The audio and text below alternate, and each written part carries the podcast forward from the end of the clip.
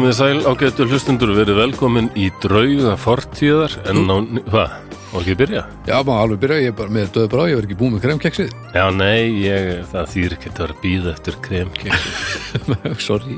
Já, já, það kemur alltaf nýtt kremkeks Játvel eftir að þú ert dauður fallin frá og orðin bara hefur saminast moldinni þá, þá verður ennþá til kremkeks Þetta er kremkeksið muni lifa mig, Já, taka mig. Þannig að að vissu leiti er kremkeksið æðri vera, það er ekki vera andlega æðri hlutu. Já, miklu æðra form. Já, Já. Svo er líka betra bræðið, já, svo er gott. held ég. Já, já, en maður veit ekki neitt, sko. Nei, nei, ég svo sem ekki. Ég er alltaf ekki svona stökkur. Ég gerði með, ég er eitthvað að reyna að spá í þetta því ég vil, myndist ekki á þeim daginn að, hérna, ég var að breytast í það fyrirbæri sem ég, hérna, hef alltaf hattað úr fyrirlitið. Já, bumbukall. Já, miðaldra já. Classic. Gott, kemur vel á mig, en, hérna, mér finnst það samt ekkit skemmtilegt. Nei, á, nei, nei. Það er sant fyndið. Já, já, einmitt það. Gott fyrir okkur inn. og að fyndi en ég hérna en uh, bara vandamálið er að ég er uh, aumingi og liðleskja og, og hérna uh, hérna hvað heit- heitir orðið sem ég er leitað með slælegt geðslag Ja, Varst að leita því orði? Já, e nei, eitthvað svoleiðis Ok. það er eitthvað svona geð, ekki geðveikur heldur bara Já, nei, bara, en það, já, uh, smágeðja nei, bara slappur til geðfarsins. Já, hérna maður. Lúin og sálinni. Já, hérna, veikgeðja. Já, Já, já. eða það. Þannig að ég hef ekki þann kraft sem þar til þess að losna þessa bumbu. Ég segi rosalega, ég downloadaði bara fullt af einhverjum uppum sem voru svona eitthvað app, workout Já, og setti það á að byrja eftir svona þrjá daga. ok. Já, get byrjað svona nú, nei, ég var snemt að byrja bara núna, byrja bara fymtdæðin. Svo byrjaði þetta eitthvað að pinga í símanum og, og úrinu mínu eitthvað, ah, app workout og ég eitthvað, ah, Já, ég, ætla að fresta þess ég, ég er bara einn maður. Já, já, nákvæmlega Þannig að þetta er Þetta verður svona þitt friður 2000. ha, Þetta verður svona þitt friður 2000. Já, alveg ekki Hvernig sem eitthvað þannig, vímulust, efnalust, eitthvað. Já, já, þú meina það, já Við, Já, það var plön. vímöðnalust Ísland Árið eitthvað svoleiðis. 2000. Já, þetta var stór plön, lítil breyting. Ég held að það sé það sem við erum að horfa í. Já, og hvað, bumban burt, hvenær var svona, hvenær átti hún að vera horfin? Bara sem fyrst bara. Bara sem fyrst, en samt byrja setna. Já, ég, ég kann þetta ekki Alveg Nei, ég held að það sé bara, Kaffisopa já, ég held að það sé bara fýtt að byrja og þá ertu bara byrjaður.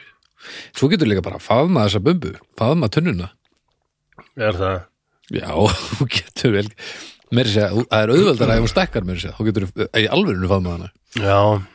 Jú, þú ég getur bara að byrja að rækta hana Æ, bara eins og, ég, ég, ég er ekkert á móti því að vera með einhverja bumbum Ég veist þetta aðeins svo mikið sko. já, ok, Ég þarf bara að reyfa mig meira og borða minna nammi, ég held að ég held að þetta séu svona skilabóð sem að 99,9% af bara öllum í heiminum getur tekið til sín sko. Nú, ok.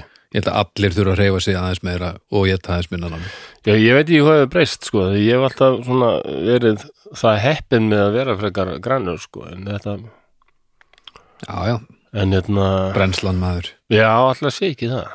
Og kannski þetta að sofa í 20 tíma. Já, já, og svo það líka. Ég held að þú ert nú svo sem ekki að Nei, það var nú gott eða þið getur svona úst, fólk gengur nú í svefni, er ekki hægt að gera maður í svefni og það lítur að vera já, það var Það verður þetta skipulega, já. Það vandamálið kannski þegar maður vaknar og verður maður ekki tóðalega út kvildur nei, og, Þetta er það í hug, sko. og sko, æ, með ægilega strengi. Og man ekki neitt. Það, það sé nei, djöfulegt sko. Þannig að það er, ég veit ekki alveg hvort það er málið. Já, en, en góður annars svona fyrir? Ég, er svo, það var eitthvað á umræði hópnum daginn verið að tala um önnur hlaðvörp og ég Já. sá að fólk er alveg rífdugleitt, ekki síst þú að hlusta á hlaðvörp. já, ég gerir mitt besta allra besta Samt hefur ég nú hitt fólk með hérna ADHD sem finnst hérna Þetta er að hlusta á hlaðvörp, þetta er alltaf út og... já, þetta er einu sem hefur alltaf virkað á mér er heyrnin, Já, ég bara ef að ég er að hlusta þá held ég þræði og Mhm. held utanum og man reynilega sko þetta flesti séu svona sko. já, En þú og veist, ég skil ekki ég var í háskóla með, með stúlkur sem var hérna í sakfræðinni Já. eh, sem hérna var ossalega lesblind Já. og lesblindir eiga oft erfitt með ennsku eða önnur tungumál já, hvernig ert þú með það? ég er bara veit sko Já, eða þú veist, bara ensku ég er hörmulega með önnu tungumál en ég held að það svo hafi með lesblind að gera. stafsetninguna og svona sko. já, það er bara fínt sko Já, já, já, já, ég held það já, ég held það líka en þú veist, ég lent alveg í vandræðin þegar ég ætlaði að skrifa cauliflower í dag en Já. það er bara því ég kann það ekki held ég frekar en að ég Ennska er líka úþólandi með það að hún er, hún er bara mix-max Já, hún er bara blanda af orðum Já. sem tekin úr öllu, Já, já. öllum fjandanum. Já, þetta er bara hingað franska og Já, það eru orð sem eru náskildi íslensku þeir eru bara forðni íslensk. Eða tekin úr germönskum málum og svo bara latína franska já. já, já. Kauli flóver Já, já, já, cauliflower með hjálp, finnst það hjálpa ofta að ég get alltaf séð orðið fyrir mér. Það með eitthvað undarlegt já, já, þú, þú þarft ekki að lesa aftur og bak þannig að þú ekki að segja það fyrir þér. Já ég sé orðið ekki þannig fyrir mér endilega, ég byrja á þeim og svo svona sé, ég, ég skrifa orðið niður eins og ég held að það sé en svo sé ég ef það er vittlust hjá mér af því að þá samsvarar það sér ekki. Já, ég tengi það. Já, Það er eitthvað þarna skrítið. Já, Já.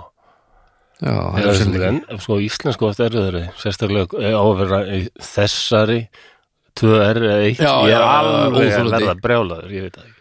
Það er margt alveg óþólandi það er hillilega margt óþólandi við íslenskuna það er svona, já. við erum með þessar reglur hérna. Nema hérna ágerur bara þe- þetta. Og svo er einhvern veginn er það bara þannig?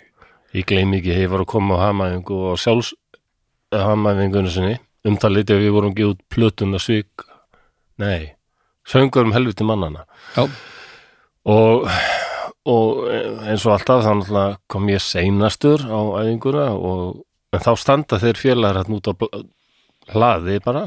Já, við eitthvað bíl og, og hérna, ég kemur út í bílnum og er bara valla búin að opna bílurðan eða sigur en bara æpir á mig hérna. Flossi, hvað er mörg enn í mannana?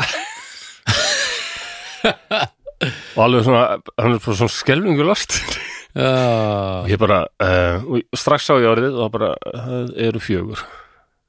Og ég sá að þetta var ekki svarið sem maður vildi heyra. Æ, æ, æ, æ, og hvernig, hvernig gaf þetta gerst maður? já, Það var allt farið í prentunni, það var bara mannana mannana eitt enn þarna. Það er ávöxtur það var mikill mannana fundur og það var ákveðið bara afturkallað þetta allt.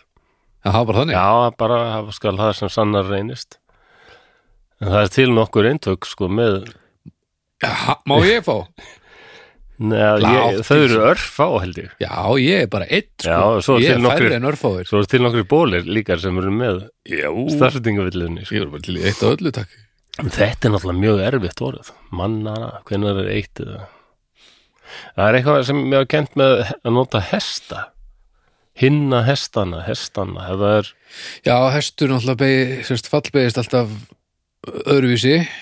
Já. og ef þú getur, veist, hestur um hest frá hesti til hest og ef þú getur fundið út hvernig þú segir þetta um hestin þá að geta fært það yfir á, en það eru beigingar það er nú ekki endilega greinir smá. Já, en það er til dæmis, það myndi vera sko helvíti hestana, það myndi Já. vera tvö enn þar, þannig að Já, það ætti að vera tvö enn líka í Já. mann Anna, akkurat. Þannig var mér kent þetta en það er svo sem, Já, ég ég hef kent svo mikil vitlisa sko, Hestarnir koma til bergar já, já, mér og mér þess að ég er svo ógæslega gammal að mér hef kent að, að samkynnið væri einhvers konar sjúkdómar Þú ert svo for ekki fjölskylda mín, það fram hún var alveg alveg svo, þótt að fjölskylda mín mörg þeirra segja eðlu sínu íhalsum, þá er alltaf svona mannkærleikur ofalega blaði.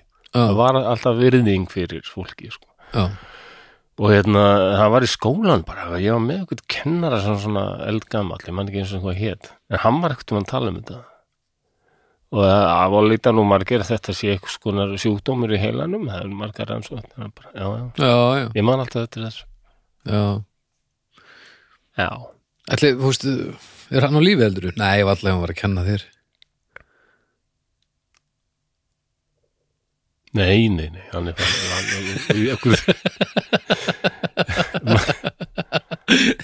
Nei, nei, nei, nei. Hann er auðvitað farinn. Ég svo reiknið að við byrja og svo bara Já, já, Já, já. Það eru svona minningar sko. Þannig að við komum út úr skápnum við rétt en hann dó? Ég veit ekki, einhvern tímann var hann sko uh, Það var veit skólafélagi minn og mamma hans vann eitthvað í skólastarfi. En hún var stundum eitthvað að sníklast þarna og kíkti stundum á starfinn sinn. Og ekkert tíma vorum við með einhverja, einhverja læti og leiðindi. Mm. og þessi gamli kall sem er, æ, mér stóð- fannst hann frekar leiðilegur alltaf, ég verið ekki hérna ok. Nú var gammal og reyna að vera strangur en gekk ekki neitt. Ah, hann reyfi eitthvað svona í hérna hennar félaga minn sem við minnir að við þetta geir. Var eitthvað að hrista? Já, reyfi geir. Leifi Geir, er það ekki ykkur Já, hann var eitthvað að hrista geir til. Þá lappar mamma skeirs inn og mér er alltaf svo minnist að sko breytingin sem var á kennaran Á, var, hæ, hæ, hæ, sæla, blessuð. Ói, nei. Og þarna held ég að já, það hefði daldið vaknað svona Sýndi þetta hans sanna karakteri að var mamma Geirs bara best í slag eða hvað það, hún var, hún var rosalega svona flott kona og veginn og kannski var hún ofalega í kennara hýrarkínu Ég skil ég en hann, ég mér bara hafa þessi viðbröð sko, Já. bara verða svona fáránlega vandræðarlega Það er alltaf alltaf svo enn þetta í dag finnst mér þetta komískasta sem ég sé Það er svo fyndið að maður gerir eitthvað sem maður myndi ekki gera fyrir framann alla. En maður, ger, maður myndi gera það fyrir framann suma ok, eins og þetta, hann, eh, til að gera þetta fyrir framann bekkin en svo kemur einhver jafnaldarnas og þá svona, "Ö, veit hann að ná ekki verið að gera þetta. Já, Þannig að Er þá, það móraldin kannski að maður á ekki að gera eitthvað fyrir framann eitthvað fólk sem myndir ekki gera fyrir, nei, veit ég ekki hvert ég er að Ég veit En ekki já, hvert ég er að harma þessu. Þú veist, allavega bara ekki gera eitthvað sem þú veist þú átt ekki verið að gera en gerir það að vera af því að rétta fólki er ekki að horfa, skilur, það er ágættis regla Já, right. En þú veist, fyrir utan hluti sem þú náttúrulega mátt gera þegar enginn er að horfa eins og fróa er en þú mátt ekki gera þegar fólk er að horfa skilur, þá er ég að tala um bara svona nokkuð eðlilega hluti. Já, ég er bara að tala um svona þessar hluti sem að gera í lífinu innan um fólk. Uh, Herru, hljóðkirkjan að tala um það, herru, ég vildi nú minnast það líka núna uh, fyrst að þetta hérna, er að í loftið á þessu miðvikudegi, núna um síðustu helgi ef allt gekk eftir, þetta er ekki ennþá búið að gerast en, en samkvæmt planið á þetta bara poppir þá þá er músikinn úr sem þáttum komin á, á Spotify og inn á veturnar. Til hamingju með það. Já, Það er frábært og mér er sem bara heiður að nafn mitt og ömurlega fjés fá að fylgja þarna með. Nei, það var líka bara dásamlegt. Nei, sko ég, ég held að þú fattir ekki kannski fyrir en ég segja það núna og ég vona að þú fattir það þá að því annars hefur meira ágjörðaðir heldur en ég uh, uh, hefði átt að hafa meira ágjörðaðir en sem sagt, ég myndi uh, venjulega hefði ég aldrei sami svona tónlist. Það er sem sem mjög Já. skemmilegt sko. Af því að, að því að þú kemur með eitthvað texta hann er aðalatrið og svo er ég að styðja við hann. Og núna er sem sagt aðalatrið tekið í burtu og þá standur eftir það sem ég gerði til að styðja við eitthvað sem er ekki þar. Og þá er bara eitthvað allt öðruvísi heldur en ég hefði nokkuð tímann gert annars sko. Þannig er, við erum bara alveg eins og ein mjög fræg hljómsveit skipuð tveimur skrýtnum mönnum, annar eldri en hinn og jætvel mun skrýtnari. Já, Sá maður, er það nú Sæman og Garfunkel? nei, við erum alveg eins og þeir. Alveg nákvæmlega þá hlýtur þú að vera artið, ekki? Ertu að tala um hérna Proclaimers? Nei, Annar þeirra er mjög, alls ekki mikið eldri en hinn nei, eru þeir ekki tvíburar? eru svo mikið eru öfgatýpur Þetta eru, þetta er Eru bara dúo, hálfsprettur þeir eru ennþá að, sko. þeir eru ennþá að, hverjir? þessi tveir og Já, hérna, annar þeirra er einmitt dimrataður og, og gerir bara textana Já, og hinn sér um alla hl- hljóðvinnslu. Já, og nú ætti ég að vera búin að fatta þetta ekki? Þetta er alveg frábært band sko. Ok, Þeir heita Dieter Meier og Boris Blank. Hmm. hvað er það? Þannig er vísbending. Oh yeah. Erum við alveg eins og þeir? Oh yeah. Það reyndar. Ú, Yeah. Já, rosalega er hann. Dítir maður getur hann hann er alltaf með eitthvað svona oh yeah, oh, yeah. Duk, duk, duk, þetta er svona svistneska rap dúoð yellow. Eða, eða gulur. Dítir maður alveg magnaðu gæl sko. hann var miljónumæringur uh, bara, eða fættur miljónumæringur pappan saði tekist að auðgast bara verið blá fátakur en auðgast á sölu verðbrefa og eitthvað svona. Já, þetta klára hann pappa, þannig að hann skort ekki neitt. En alltaf samt að reyna að vera flottur eins og pappi sinn og fór lögfræði, hundliðtist það já, og hætti því og dróst meira inn í listin. Já. og var bara hitti þá hérna Boris og uh, Gaur sem var í Jalló já, bara ég getur söngvari ég nóga pinningum já, það er náttúrulega ekki lélætt en svo hann, hann ge- ger, var byrjar að vera með alls konar list. Til dæmis hérna koma, ég held að það sé, sé frá hvort hann er frá Zurich gekk út á götu þar og spurði bara herðu, eh, hann var sér að kannski næsta manni? Fyrir ekki værið þú til að selja mér eitt já fyrir 50 franka? Selja mér eitt? Já, já, já, gjör svo vel takk að þið fyrir. Og bara og fólk sagði uh, selja, hvað, selja þér já? Já, uh, já, ég er alveg til í það. Já. Já, gjör svo vel, hér eru 50 frankar. Hann er svona kall sko. Oh. og held ég 1972 svo það komið fram, þá er þetta fucking óþólandi já, eða það? Já, já, já, já, þetta já. var náttúrulega sko sjö, kringu 70 já, 69-70 Já, þetta var svona þetta koncept allt.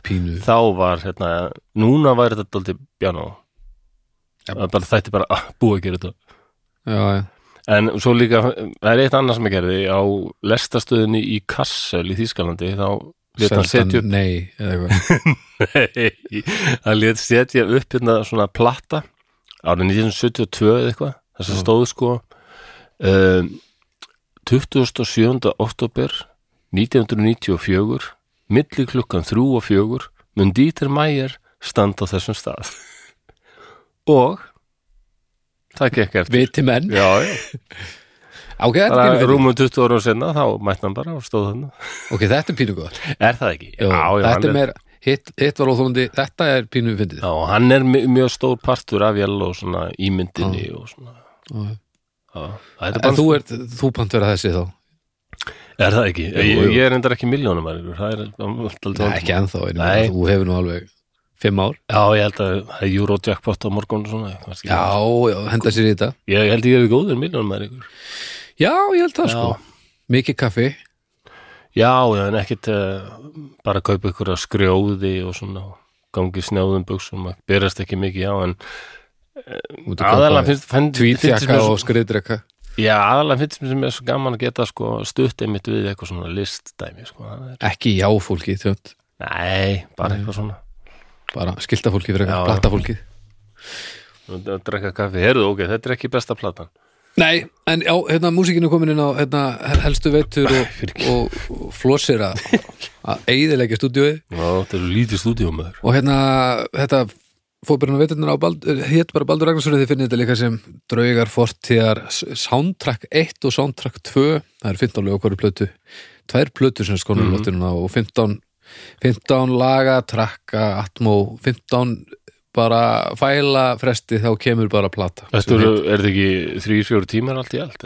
Þetta er, nei, núna er þetta 2 og 20 cirka, Já, en ég meina helviti gott frá því mæ, frábært ekki? Jú, bara, Þannig að það er gaman að þessu. Snild. Já. Það er mikið um það, endilega tekja þessu og geta fólk. Já, gerið það.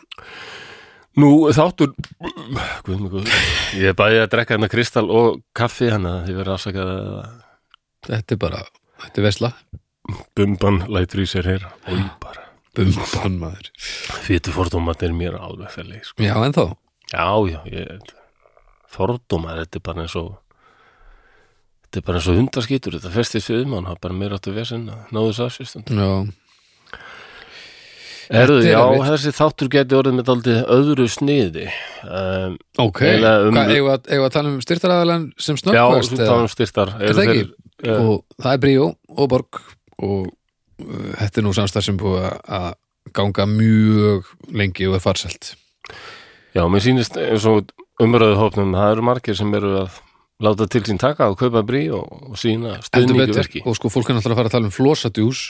Það er ógæslegt Já, það er það er, það er, hörm, það er skrítið orð.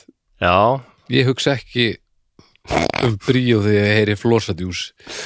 En já. Akkur ekki eitthvað? Að því að sko að því þú óvirkur sko.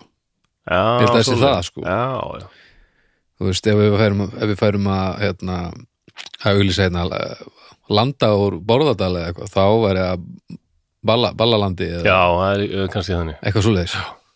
Já, já, Baldursbakkarti Þú veist hvað það það kemur Bakart, já, já, bara ballagambri. Ballagambri. Ballagambri, ef þú vilt sopna í skurðinum. Já, það er það, ok, flosadjús já, það er ógeð Sérðu bara mig fyrir þér sem sagt, nakin liggjandi í einhverjum risastóru keraldi full af einhverju öli. Já, fullu bara hunógið eitthvað. Já, og og það er svona, það er svona yfirfall alltaf að því að það er sírenslega hunógi í pottin. Og sem sagt það sem er að leka út úr pottinum og í fjöru það er held í flosadjús. Já, ég myndi aldrei nokkuð tíma setja það nálægt mununum á mér sko. nema ég var mjög þyrstur. Já, já En það er ákveðin heiðursvottur að vera kallaður Já, já, já ég meina þetta er náttúrulega frábært að það sé verið að bendlita við þig en, Já, en já, ok, já, ég, ætla að stoppa hér. Þetta er, þetta er, þetta er Já, þetta er orðið gott og blessað.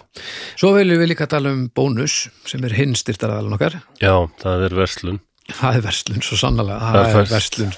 Það er að fá þar uh, sápu og klósispapír já, sem hjálpa mann að vera minna ömuleg manneska Já. á, á daglegum basis. Þá er eða bónus strax búin að sanna tilveru rétt sinn. Heldur betur, en svo hérna uh, rakki líka augun hérna að bónus er að, að selja tilbúna grammetis veganrétti sem að, ég held að, að hérna að séu margir spenntir fyrir að núti sem Já. að þarf þá bara að hitta. Og þar á meðal er til dæmis östurlenskur grammetisréttur eh, chili sin carne Til í sinn, Já, eina sem ég lærði á, á Suður Ameríku ferminni til dæmis var það að kon þýðir með og sinn þýðir án. Að til í án kjöt eh, Indverst dal og Mexikósku græmitisréttur Æ, hvað þetta er allt eitthvað Mexikósi Hei, Hey. móli maður. Ha, ha, ég verð ekkert Æ. fyrir þessu þátturinn nú alla byrjaði sko. Þannig að þið getið, já, fundið þessa rétti í bónus og, og, og þetta er lámars fyrirhöpp fyrir gríðalega góðum réttum. Já, þannig að, þannig að þið skulu aðtuga það. Og við þökkum bónus enn eina ferðina kærlega fyrir hjálpina. Þetta er miklu öðuldra og bríu þetta er miklu öðuldra þegar maður er með einhvern sem er að stiða mann í þessu. Já, það bara breytir öllu. Já, Annars væri ég örgulega búin að skrýða upp í rúm og draga sængina langt yfir öfuð mitt og væri þar enn. Já, ég held að ég, að því að ég ætla að segja að þetta allt hefur gerst nema, nema þetta síðasta. Þú ert ekki þar enn. Það, Nei, nei. þar skilur það sko. Já, Ég er samt rosa þreyttur núna, akkurat. Já, já, Ég er alveg að leka niður. Já, já, þetta verður þetta ekki bara stuttur þáttur eða hvað sem er? Jú, jú, já, já. já, já.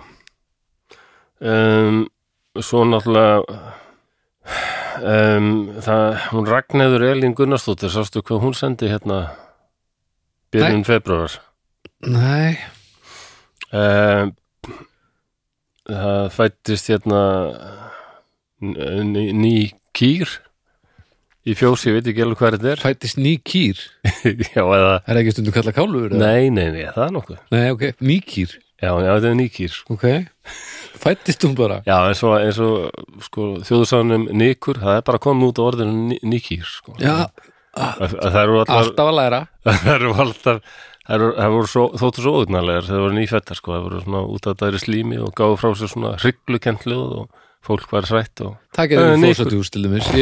Þú veist, svona, það sem þarf að kara af já, Það getur verið flósadjús fyrir mér en, kara okay. Já, já, já. En það er semst, hún, hún var skýrð flósína Flósína Já, og svo verið stóð til held ég að fá um, baldurínu. Baldurína? Já, Var það líka svona nýkýr? já. Er, En það, hún var ekki komin síðast í vissi er sem sagt tvíníkýrt. Já. En svo er að reyna að finna hérna, það var einn aðli sem sendi okkur hérna. Já, Já, ég held að ég vissi það. Já, mér, ég spurði þannig aðalega hvort ég mætti uh, segja hvað hann við- segja en þetta sleppa nafninu. Já. En það er eitt sem sagði sko, ég elska hvað þið talið opiskátt um geðrann veikindi og líðan. Ég sjálfur er nefnilega greindur með geðkvarafsíki og það gengur bara vel í dag. En ég baði hann afsökunar fyrirfram ég myndi örgulega hlæja það. Hann sagði bara, já, já, það er um að gera að hlæja að öllu, eins og ég hlæja á þunglindin og gvíðanum, sko. En fyrir árið að tveim, þá uppgætaði gott tæki til þess að tempra geðið. Svo er mál með vesti að þegar ég þarf að íta geðin upp á við eða tempra það niður, þá hlusta ég á podcast á mismunandi hraða. Yfirleitt er ég fastur á tvöföldum hraða, en þegar ég þarf að halda í við heilan á mér, fer ég yfir á þrefaldan. Og það er alveg merkilegt að við það að hlusta á þreföldum er eins og það gerist eitthvað magnað.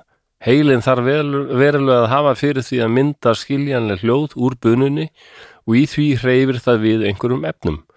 Svo eins og núna þá er ég á hálfum hraða af því að heilin á mér þarf að slaka aðeins á. Þetta er svo glæsilegt Það minnst þetta æðislegt. Og líka að sagði, þetta hann sagði ekki að fólki finnst þetta galið en ég er náttúrulega galinn. Já, já, en ég meina, ef, ef þetta virkar þá er þetta alltaf bara, Nákvæmlega, þetta er algjör snild sko. já, já. Ég hef ekki prófað þetta Ég veit ekki hvernig ég væri á þreföldum sko. Við vorum eitthvað að tala um hlaðvarp í vinnunni hjá mér um daginn sko, og þá sagði ein, eitt starfsfélagi minn, hjúgrunfræðingur, Mm. hvað, ég, ég gerir þetta. Hún hlustar á hlaðvarp alltaf á, sko, Einum hálfum og, já, eða ég ætlum tveimur. Hún spilaði fyrir mig og ég bara, Já, já, það nei, það eru margir sem hlusta á einum hittir hálfum allt og veit ég, hægt. sko. Hvað sér Hún sagði bara hittir allt og hægt, ég nenni því. Já, já, það eru margir sem mitt sem að tala um það sko Svo er líka hægt að, að velja það kött út allar þagnir sko Já, Og þá er þetta bara svona eins og það sé einhver sem andaldri að vera með, með hlaðvarp Það er mjög óþægilegt já, ég, hún spilaði fyrir mig, hvernig hún hlustaði sko, það var bara, bara eins og spænskur fréttamöður. Já, akkurat Er það góra? Grumma, er það góra? Grumma, grumma, grumma. já. Svona tala Þið meina, tala nákvæmlega bara svona. Við skulum bara prófa þetta og veist það tekur einhver stund Ok. Ég ætla bara að opna hérna drauga fortíðar bara þannig að neitt með frýtt spil og einhver snillingur þá er það ekkert Er það já, venuleg? já, já, þá, veist, mér finnst þetta bara að vera Svo förum við í unrelevant já, já, svona í of, oft og 1,5. tíðum Já, já. Nú erum við kannski að koma okkur í ógöngur með því, með þessu tali. nei, nei, ég meina Ég er reyndan með hérna, um, það hefði aðeins sem lustar á okkur samband, út af því að við vorum að tala um OCD. Svo upp í tvo Já, ok. Já. Þessi aðeins með Obsessive Compulsive Disorder árat og þrákjur öskun. Það vandar mér mjög gaman að fá þessar ábyrtingar. Já. Um, á ég byrju á henni eða ég Eh, þetta, þetta ég Nú, ok. Já. svo bara, byggum hittum þetta Svo, förum við upp í 2,5 Já, ég skilja. Sko, þessi aðeins sagði, þetta er bara mjög góður póstur, þetta er bara, þetta er bara æflósi. Þú og Baldur voru að tala um þráhyggju og árat og hjátrú og allt heila gagnið Förum bara alla leið til þeirra á eins og hann er. Og hérna hún segir, Play. það er við. Mér finnst ekki þetta mikið músík. Ég að ég tala eins og músík sem bara er árat til að að þurfa að gera eitthvað, eitthvað náttúrulega. Og það er músík, þetta er bara mjög algengt. Og venjulega mikið látið þetta gitt ekki, en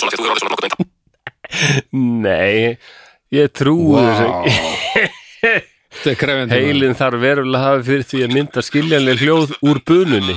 Hann. sammálaði Það er alveg hár rétt. Já, Ég vil fá svona ábending. svona.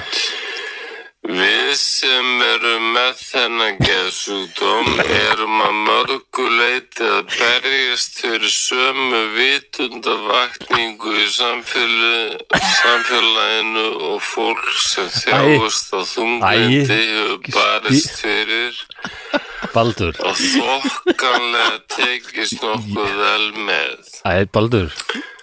Þú sagðir að þú tengir við fólk sem glýmur Það er illa leiðilegur Já, þetta ég, ég er að... Bara nóga fyrir Já, ég, ég er að lesa alla postin til okkar frá konunum í OCT. En ég get ekki ímyndað mér hvernig það er að, er alltaf. að lifa með þunglindi. Er Getur þú ekki ímyndað þér hvernig það er að lifa með þráhyggju? Já, ok, ok, búin að Ok, þessu. ok, ok Ég vil- ég vil bara benda þessar konu á sem sendi okkur OCD postina. Það var ekki persónulegt. Já, já, já Þetta er alltaf þetta undir, þetta er alveg klassíst En já, já, nú blöðrum við blöðrum hérna, já, ég sagði þess að þáttur með öðru sniði en vanlega því að og hann geta árið aldrei langur mikið um lestur líka inn í þættinu Já, hann er orðin frekar langur Já, núna, já, sko. er líka, en Það er bara alltaf leið, ok, þetta er bara ólíkt öðru þá hérna, Hvað erum við, erum við bara að fara að narta í hælana og bibba eða? hann, oi bara Já, Þetta var alveg uh, svona mynd í heilanum sem ég Já, ég er alveg, þú veist að ég hugsa alltaf í myndum það ég er alveg vil sleppa þessu. Já, Næstu því bara eins og þegar mamma sagði hérna að hún hefði hitt legspíu. Já. Legspía. Mamma var náttúrulega sko rasisti og hérna homofób. Va, Já, Ég meina hún var fætt 22 hvernig gat hún annað? Já, en hún er kona sem vildi engum illt en hún var bara alveg upp í því að þetta væri eitthvað já, skrítið og undarlegt. Já, já. og bara, en hún sá svartan mann fyrst, hún bara gæti ekki annað en glátt sko. Nei, nei, maður hefur alveg skilning á því. Já, já, bara ekki skóla gengin og bara, En þú sagðir fyrr í þættunum að að fjölskyldaðin vildi öllum vel samt? Já, já Það er, þar skilur að. Já, það er, það er að máli sko. en það, hún stundum tvistum að svona, mamma, herðu, ok. Já, já, bara eins og segja þín eru að gera við þér núna. Nú, nú eru börnin mín að skamma mig sko. Já, er það að er meira eitthvað- fyrir að segja glætan og, og Nei, líka ég notaði enn orðið um daginn ég var að keira með sinni mín hann bara, bara ekki nota þetta orð. Og ég bara, hvað, við erum bara tveir að ég var ekki, ég var ég var, að- ég var, ég var að nextast á manni að hann skildi að voga sér að nota enn orðið já, ég sagði þá enn orðið já, já, já. svo sagði hann bara og, og hörður alveg bara, ek, heyru, ekki segja þetta orð. Og ég bara, hei, koma á maður. Við erum bara tveir hindi bíl. Ég- á nei, það kom ekki til mála. bara ekki hindi neinum kringustæðum Væri. ok, þannig lítur öskan á það í dag. Þetta er líka bara ekkert okkar ákveða.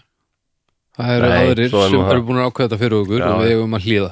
Það er bara svo leys já, en, og, og ólíkt því sem áður hefur verið er þú áttar þið á því hvað ég er að fara að tala um bara því ég tek þessa bók hérna upp úr Jó, já, já, Biblían.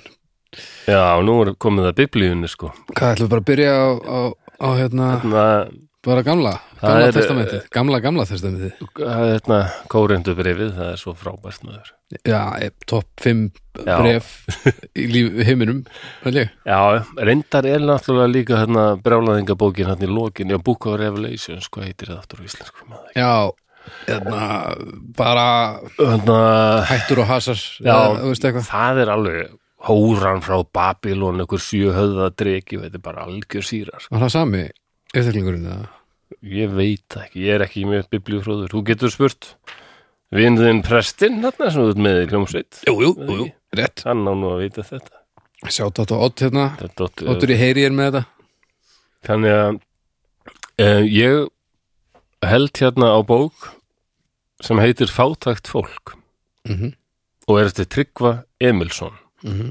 Fátækt fólk, æfiminningar uh, Tryggvi var fættur 1902 til 1990 og uh, guðmík Tryggvi var fætt Hann var undrabann Já, ég er ekki að tala um breska heimsveldið eitthvað, eh, til sem var frá 1900 og eitthvað. Nei. Tryggvi var fættur 1902 og lést 1993 Ok, vel og hérna, þessi bók vakti rosalega aðtegli og kom út 75-6 eitthvað svo leiðis Ok. og rókseldist og hérna vakti líka deilur af því að það voru sömur sem sögðu þessar lýsingar eru bara bull. Hann, hann lýsir hérna fólki í ákveðnum bæjum sko sem, og það hefði verið ömuleg vist þar og fólkið vond og hérna, hann var niðursetningur sagt, hann bara fjölskyldan sem pappas hafði ekki efna á að hafa hann og var að láta hann frá sér eins og öll börnin, eins og öll sískin bara send hingað og þangað í vist hjá okkur fólki. Já. og sveitin borgaði þá með Já, já, já, hérna, bara meðlag já, eiginlega. En hérna, það var oft, ekki alltaf en það var oft komið illa fram við þetta hólk Mm. bara og, og sem hann lendi á stað sem heitir Draflastaðir og eru í Sölvadal í Eyjafriði ég veit ekki hvort bærum til en þann dag í dag. Drab, Draflastaðir. Drabla já, já, drafla Draflastaðir, já. draflastaðir. Ég veit ekki hvað draflar eru. Er kannski einhverjir reyfyrðingar sem Draflastaðir. Kveikið þessu. Innarli, myndi mjög innarli fyrir það er ekkert þetta. Þar var það eru dröflur í þetta út um allt. Dröfl það er ekkert þetta að þetta segja þetta. Já, það er bara nóga dröflum líklega, Já. draflastæður góð bæing já, og hann eitna ánlega afkomutur fólksins á draflastöðum var ekkit ánægt með þetta. En svo komu fleiri sem stigu fram og höfðu verið niðursetningar sem sögðu bara allt sem hann er að lýsa þekki ég af eigin raun og svona þannig að þetta er svolítið sérstætt Hefur þú heyrt um þessa bók áður? En það, Þú- ég veit að margir hafa byggð um hana á umbröðuhopnum en hafður þú heyrt um hana eitthvað? nei, ekki sérstætt sko þú hefur talað um hana. Já, og jú, ég hef heyrt hana, svona, heyrt minnst á hann út um mér en það er svolítið þannig með mig eftir, þú veist, ég hef ekki gefið sens að lesa á livjunum og ég hef bara aldrei lesið þetta ég held ekki, ég held ekki þræði þannig að þegar að talið svona bersta bókum þá reynilega bara loka Já. ég frekar en hitt held ég sko, stundum en ég, já, ég man alltaf eftir því, sko, eins og við vorum að tala um já, fólk sem hlusta svona á þreiföldum hraða og lesblindu og svona mm. ég finn svo til með fólki að ég er er greinilega mjög heppin þegar kemur því að, að skoða orð og stafi, þau byrstast mér bara ljóslifandi í hausnum. Já. og ég get lesið fram og tilbaka aftur baka og áfram og hérna stafsetninga alltaf verið sterklið Já. og bara ég auðvöld með að lesa. Það er ekkit sjálfgefið. Ég gerir mig grein fyrir því. Og hérna ég hef kannski gert mig segan um það einhvern tímann að gera grína fólki sem er að skrifa eitthvað klúðuslega en ég hætti því. Og ég misti verið að fara að sjá þegar fólk er að skrifa hér, að þetta er lesblindur skrift það er eins og sé með eitthvað svona sérstakar skrift. Já, ég get ekki alveg að líst því en ég, eins og Bubbi Mortens. Já, það er ekta svona. Að mann finnur alveg að það er alveg sko orða forði til staðar. Ég held að, En- Bu- já, Bubbi er að staðfesta það. Já, já. svona. En bara stafirnir þeitast eitthvað til já. já, já. En já, nei, ég get ekki sagt að ég, innsýn mín inn í þessa bók eh, kemur bara fyrst og fremst til þér og, og, og það sem fólk hefur sagt við mig og ég ekki verið að hlusta. og mér fannst bara synd ég heyrði þið segja í bestu plötun einhvern tímann að hérna, þegar Arnar spurði eitthvað já, þetta kemur fram í bókinni hérna hafið þið kannski lesið hana? Í bestu plötunni? Já, þá er það bara að tala um einhvern hérna rosa músikant og hann sem doktor er náttúrulega búin að lesa alveg fullt af bókum um þennan músikant. Og já, þetta kemur vel fram í þessari bók og hafið þið kannski lesið, lesið hana, þið er breður segir Arnar. Og Baby sagði bara, nei. Og þú sagðir, nei, ég les bara text á Netflix. Og mér Ah. finnst þetta rosa fyndið en líka alltaf svona sorglegt. Þannig Já, að mér langaði eiginlega Já. bara að koma með þessa bókingað og lesa úr henni fyrir þig. Er, já, svona valda kabla og hérna að því að ég held að þú segir til að þú dettur út en, en mér finnst bara sko.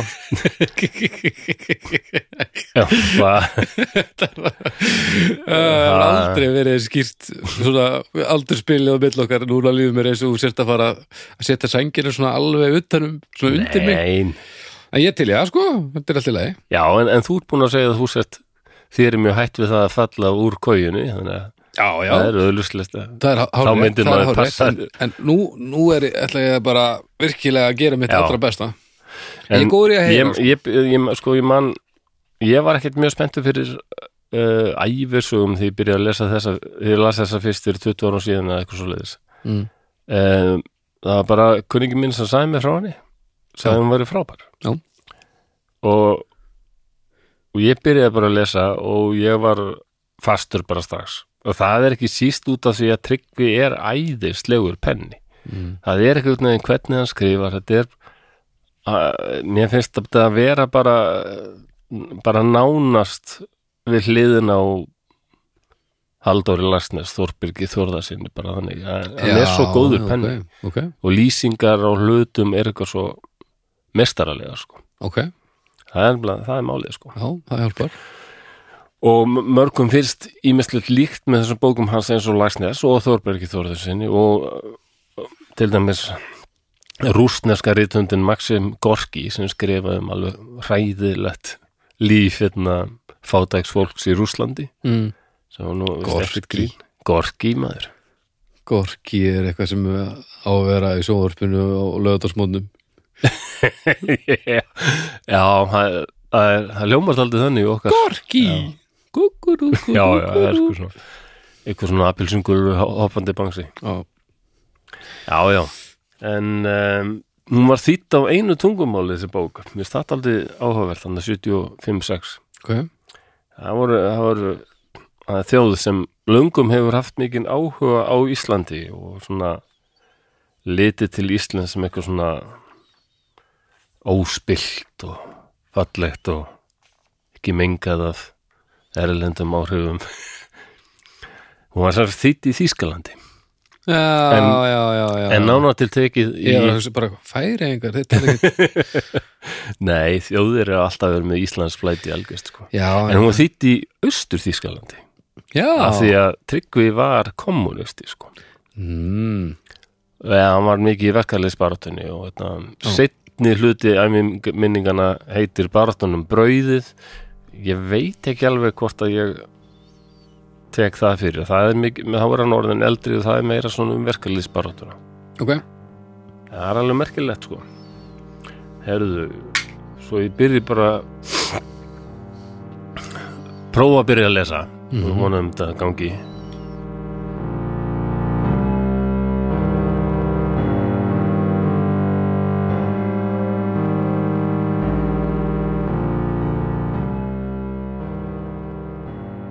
Það var í mæmánuð 1906 þá var hann sem sagt fjögur ára.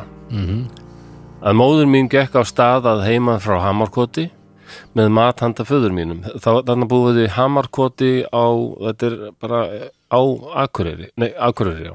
Já, Venjulega var hún fljót í svona ferðum og hljóp við fót báðar leiðir.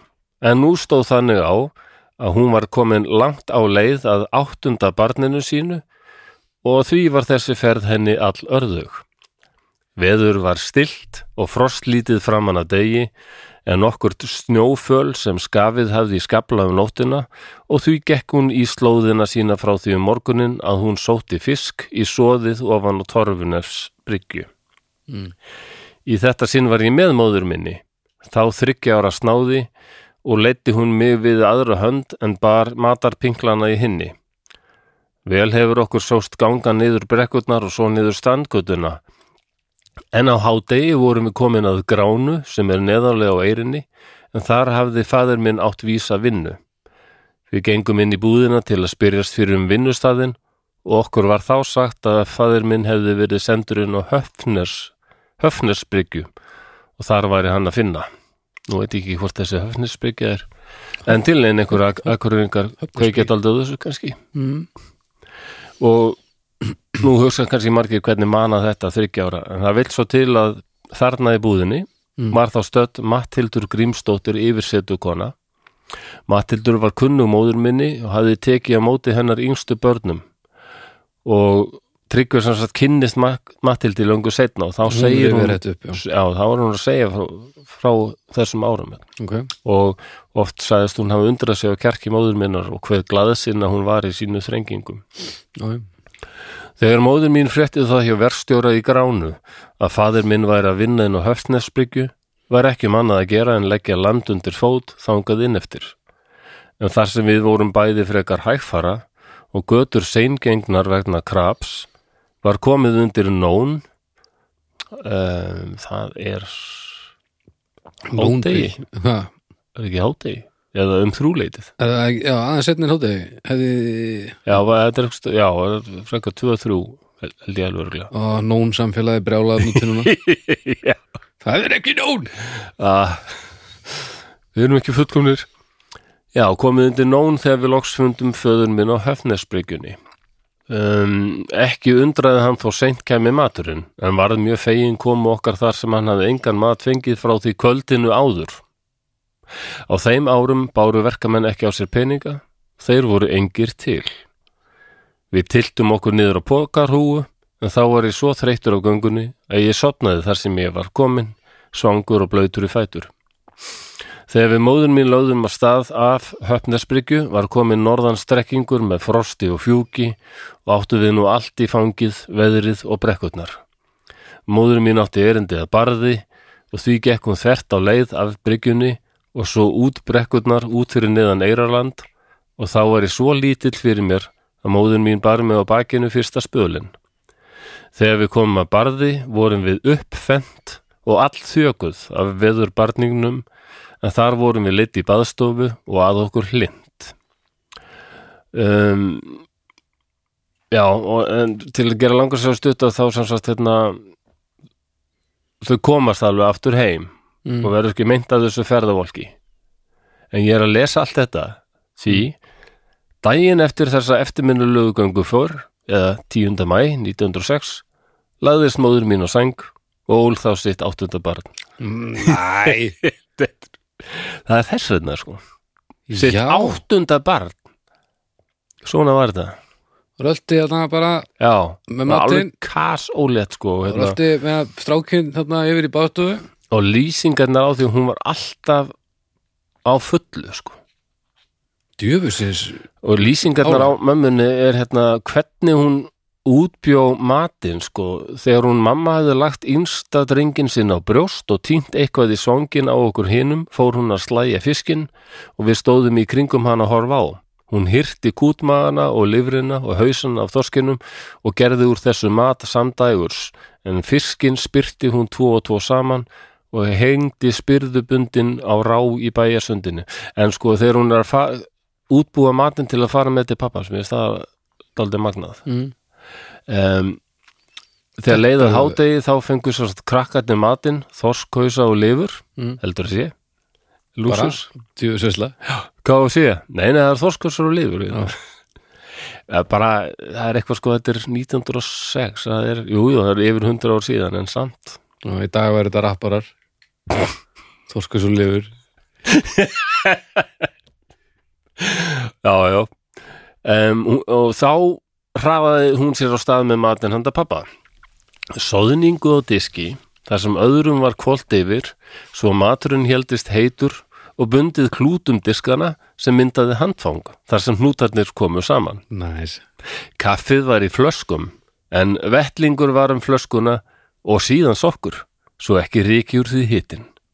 Vel gert. Já, það er þessi, nú lifti hérna Fanti sem ég keipti fyrir 3000 krónur. Já, þú ert með eitthvað ferðamál. Ferðam, já, ferðamál. En þú hefði nú betur tekið sokk og hanska. Já, já. Hérna, já, ég kom með mitt inn í búðina og sá þetta mál. Já, þá var það um þetta að tala við annað mál í hillunni og segja brandar og skelli hlæja veistu hvað er að koma núna? Ég er bóta þetta snemma núna en bara klára þetta Ég hef satt þetta kannski aður Nei, hvað er með þetta? Ég Já, ég sagði að þau voru að tala saman og ég svo satt tók þetta mál. Mm. hvað var ég þá að gera? Ég var náttúrulega að fara með gaman mál. Ég hef nú satt hennar áður held ég, svona ég við góðar að vinna hópi Hú. Já, hérna er við, já vitið það krakkar? Ef þið hérna Já, Tvö svona ferðamál mál sem eru saman og segja hvort þau eru brandar og hlæja og ef þau takið þau og farið með eitthvað Mm. þá eru þau að fara með gaman mál. Ha, ha, ha. Æ, æ, æ, Ah. ok. En þetta, já, og þarna bara elur hann sitt áttunda barn, þetta er alveg Já, það er vel gert maður. En, þú veist hún hefði sennilega frekar verið til í að sleppa við uh, sumt að þessu. Já, en það sem að lesa þetta þá er það bara ekkert í bóði Já, nei, nei, ég meina, þú er efst eða sleppir því, skilur Það, er bara annarkvort Það er augljósi kvatin, sko. Já, þetta, er, þetta eru aðstæðar sem að við þurfum ekki eigum ekki rosalega öll með að setja okkur í. Nei ég hef aldrei verið nær döðin lífur hungri eða þurft að í alvörun hafa ágjörði að fá ekki að borða í einhvern tíma sko. Sko, mér finnst það svo fallegt hérna í Hamarkoti náði fátæktin aldrei inn að hjartanu. Fóreldrar mínir voru bæði glaðlind og þrekmikil. Þau voru ljóðelsk og söngvinn og þó skuggarnir væru nokkuð ágengir. Þá fengu þeir aldrei að tegja sig svo langt að myrkrið yrði samfellt. Þau reynda greiða hverjum sitt og skuldasöfnun var engin. Yfirvöld staðarins voru því nokkuru fjarlægð og meðan áttu þau sjálf rétt á að gleðjast yfir litlu. En þetta áttu eftir að breytast. hmm. Mér finnst þetta svo fallegt sko en fátækti náði aldrei inn að hjarta. Já, því uh, talandi um þess að draflarstæði sem hann kemur á setna já, þar er alveg nægur matur en hún finnst sko kúkur í hjarta. Já, að, sko það er aldrei það er engin gleði. Nei, hann lýsir því þannig, það er allir bara, það er ekki sn- snýst ekkert um neitt nema vinnu. Já, eiginlega enginn sem talar saman aldrei lesur úr bók og svoleiði sko. Já, ég tekið alveg það. Já og það er, er það? Les aldrei bók, já eða sko það er eina sem ég tengi við, sant, þú veist. Ekki, ekki lesi fyrir an, annan segja sko. En sko, en svo líka svo fyndið að því ég myndi þetta bara því ég ætla að koma inn á þann. Þessi skömm setni kynnslóða yfir því sem að einhverjir for, húst, einhverjir ættingar gerðu og það hafði ekkert með þig að gera já mennar, sem þíska þjóðin alltaf bara jú jú þurft að díla við heilsinni já. Við tökum þessu umræðu kannski bara setna þegar að, ég veit hvað það fara já, bara þegar að, að henni kemur þegar að við erum komin í rugli þá hérna, þetta er aldrei góði punktur já. ég held að við þurfum mun að taka hana tökum, Þetta tökum er- þetta fyrir og eftir Já. ég, fyrst ég myndi þetta núna þá mann ég þetta eftir Þetta er, það er alltaf verið gott fólk í þessar sveit og eitthvað. Já, já, já. þetta er Já, ótrúlega svona. ok.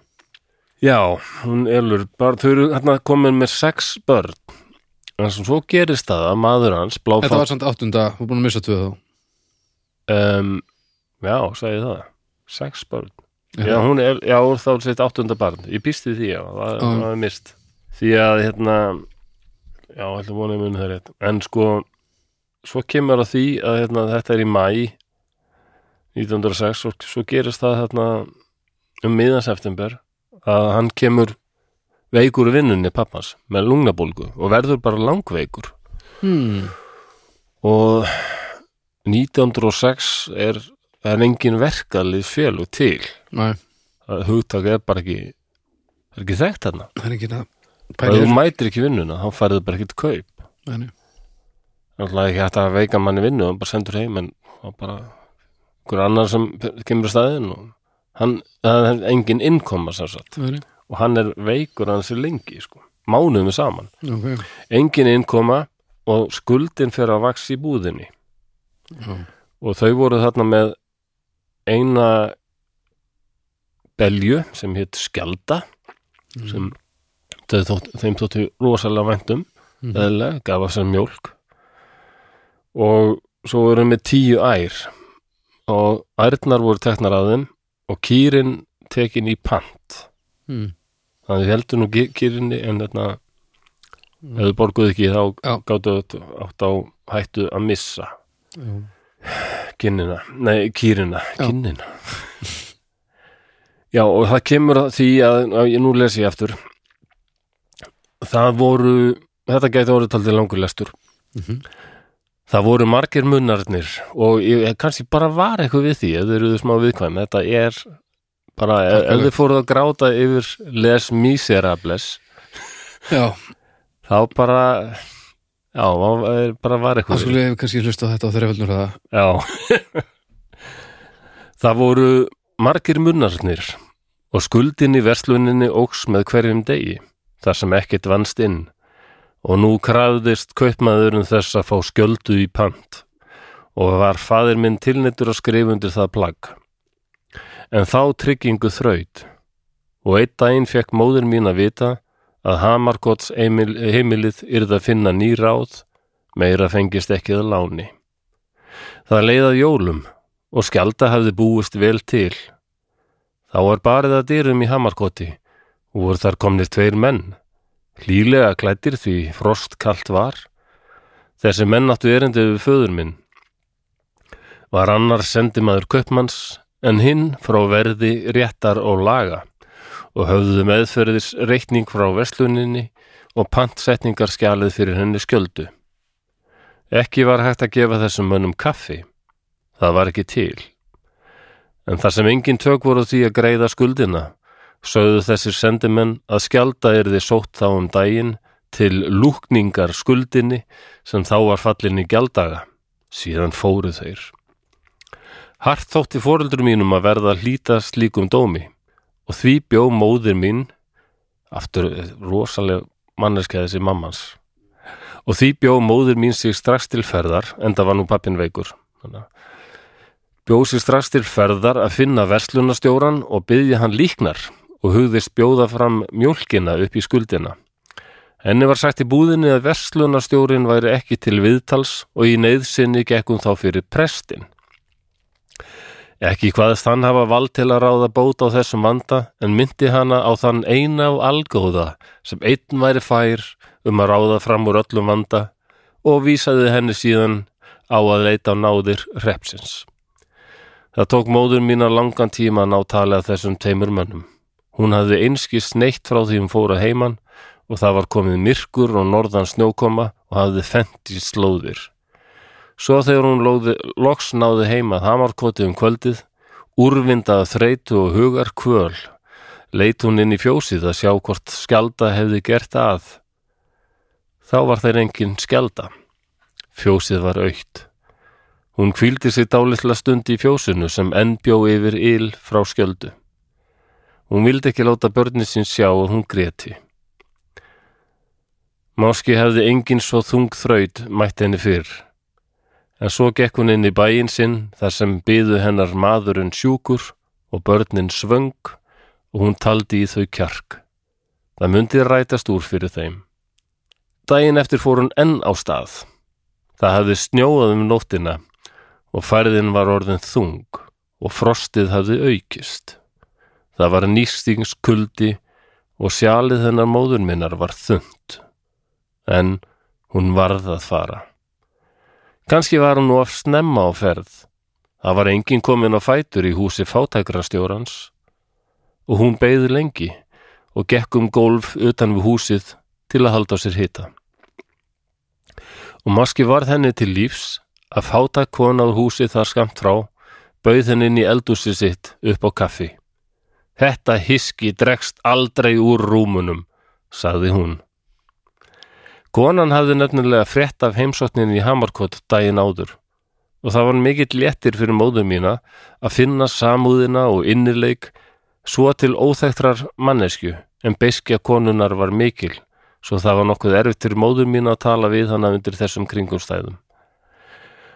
Ertu þetta eftir útbaldur? Ertu, ertu með mér? Ég er með þér, ég, ég er að hlusta Þú ert að lusta. Það er mjög auðvelt fyrir mig að hlusta Ok.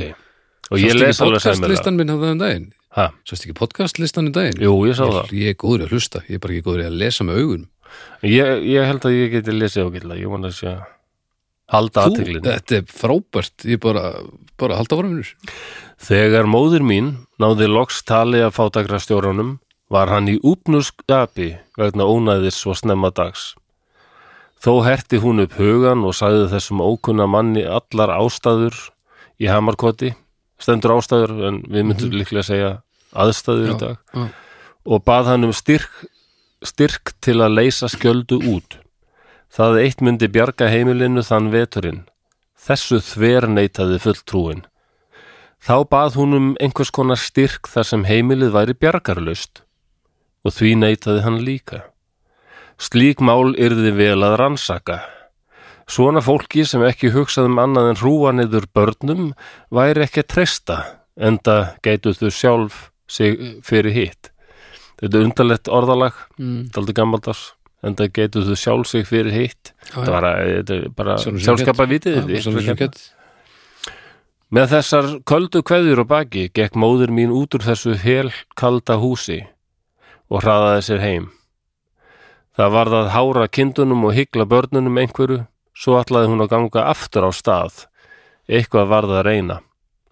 En þennan sama dag kom sendimaður frá fá- fátækra fulltrúanum með miða upp á útekt hjá þeim kaupmanni sem sótti hann að sköldu heim í fjósið á Hamarkoti í nafni laga og réttar og tók hana frá heimili þar sem húsbóndin lá sjúkur í rúm, rúmi sínu, þar sem sex lítil börn byðu þess að hún skjalda bæri fyrsta kálfinum sínum.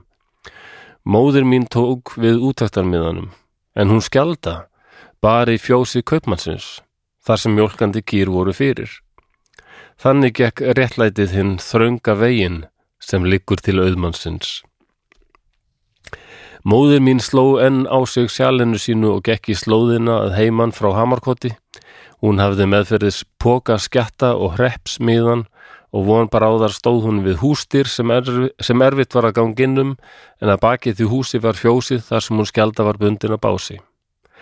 Aldrei hafiði móðin mín fundið svo sort til örbyrðarinnar eins og þarna við búðardyrnar en hún vissi að hungur vofan stóði dyrnar í hamarkoti svo hún opnaði búðarhurðina og tók út sína ögnina af hverju, kveiti og sigri og kaffi til að brenna og spil og kerti vegna jólana en þeim varningi fylgdu eftirtölur búðarmannsins sem aðeins mátti láta matvörur út á hreppsmiðan. Þegar heim kom þennan örlaga ríka dag flytti hún sér að brenna kaffið og baka brauð til þess að draga úr sorginni sem grúfiður heimilinu. En nú var jólanótt í nánd og börnin urðu að halda sig við rúmið meðan fötum þeirra þornuðu í fátakara þerrinum sem aldrei brást. Á jólanóttina tókst móður minni að bæja að drunga örbyrðarinnar frá dýrum Hamarkott spaðstofunar. Því var tjálta sem til var matarkins og við börnin fengum kerti í hönd. Fadir minn las húslesturinn og við reyndum að sopna ekki á meðan. Síðan var sungið sálmur sem við kunnum öll. Við vissum að þennan dag var frelsanni fættur og hjörtu okkar urðu glöð og við hlökkuðum til. Að loknum jólum urðu dagarnir aftur dimmir. Fátæktin og veikindin kvíldu sem mara á heimilinu. Flesta daga fór móður mín að heiman að reyta eitthvað í matinn. Hún seldi sjóvettlinga og sokkaplögg fyrir fiskæti og henni tókst að selja hei í skiptum fyrir mjólk. En veturinn var þungt að þreja. Jætvel vonirnar voru vangstífðar. Þetta finnst mér æðislega setting. mm Jætvel vonirnar voru vangstíðar. Á útmánuðum komst fadir minn á ról og eftir það rýri hann til fiskjar þegar fært var og bar daglega björg í bú. Vinnu var engu, enga að fá á þeim ástíma. Hann komst ekki í skipsrúm en rýri á árabát á fjörðin. Það liðu tvö ár. Ár resti og léttari lífdaga og haustið 1908 hafið föður mínum tekist að eignast rauðan kerruhest og mjólkandi kú sem bundin var að básinn hennar skjöldu og hann átti nokkrar kindur í fjárhúskofa. Þeim hafði vegnað vel og unnið bug á sárustu fátættinni. En einmitt þá fjall sá harmur yfir Hamarkottsbóndan og börnin hans sem aldrei varð bættur. Móður mín laðist á sæng að nýjunda barninu sínu, mánudaginn 19. oktober. 1908, já. Fæðingin gekk frekar vel að vanda en nú tók að blæða og Matthildur yfirsetu kona sem löngum var farsæli í sínu starfi hefði engin ráði hendi að stöðða blæðingarnar. Það gekk seint og illa að ná í lækni en loks þegar hann kom var það of seint. Henni blætti út í sænginni. Hún móður mín var liðið lík daginn sem ég var sex ára. Örbyrðin og þrældómurinn urðu hennið aldur til að. Sporin hennar til prestrins sem hún bar oftröst til og síðan til fátækra fulltrúans haustið 1906 voru henni þungspor. Hún beið þeirra aldrei bætur. Erfiðleikarnir það haust og þann vetur drógu hana til dauða. Samhjálpin og réttlætið komu aldrei ofan frá. 25 árum síðar stóði ég á verkfallsverði á Torfunvesbryggjunni á Akureyri. Það veri nófu deilunni í massmánuði 1933.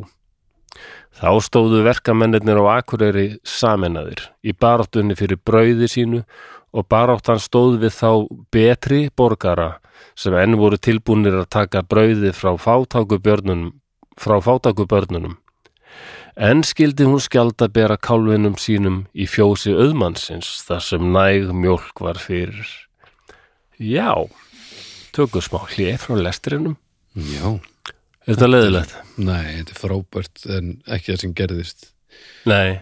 Þetta er Þetta er ekki nú langt síðan það var sko. Já, góður punktur. Það er það sem er svo Nei. fucking hella sko. Ég hugsa oft sko ég farið í fyrstu mæköngu Vist það bara leiðilegt Bara eitthvað eitthvað lúra sveit og svo kemur ykkur kerfiskall frá ASI endar ekki kerfiskall sem er það núna en var alltaf þannig bara koma já, uh, vinnandi fólk á Íslandi bla bla bla bla bla hérna. mm.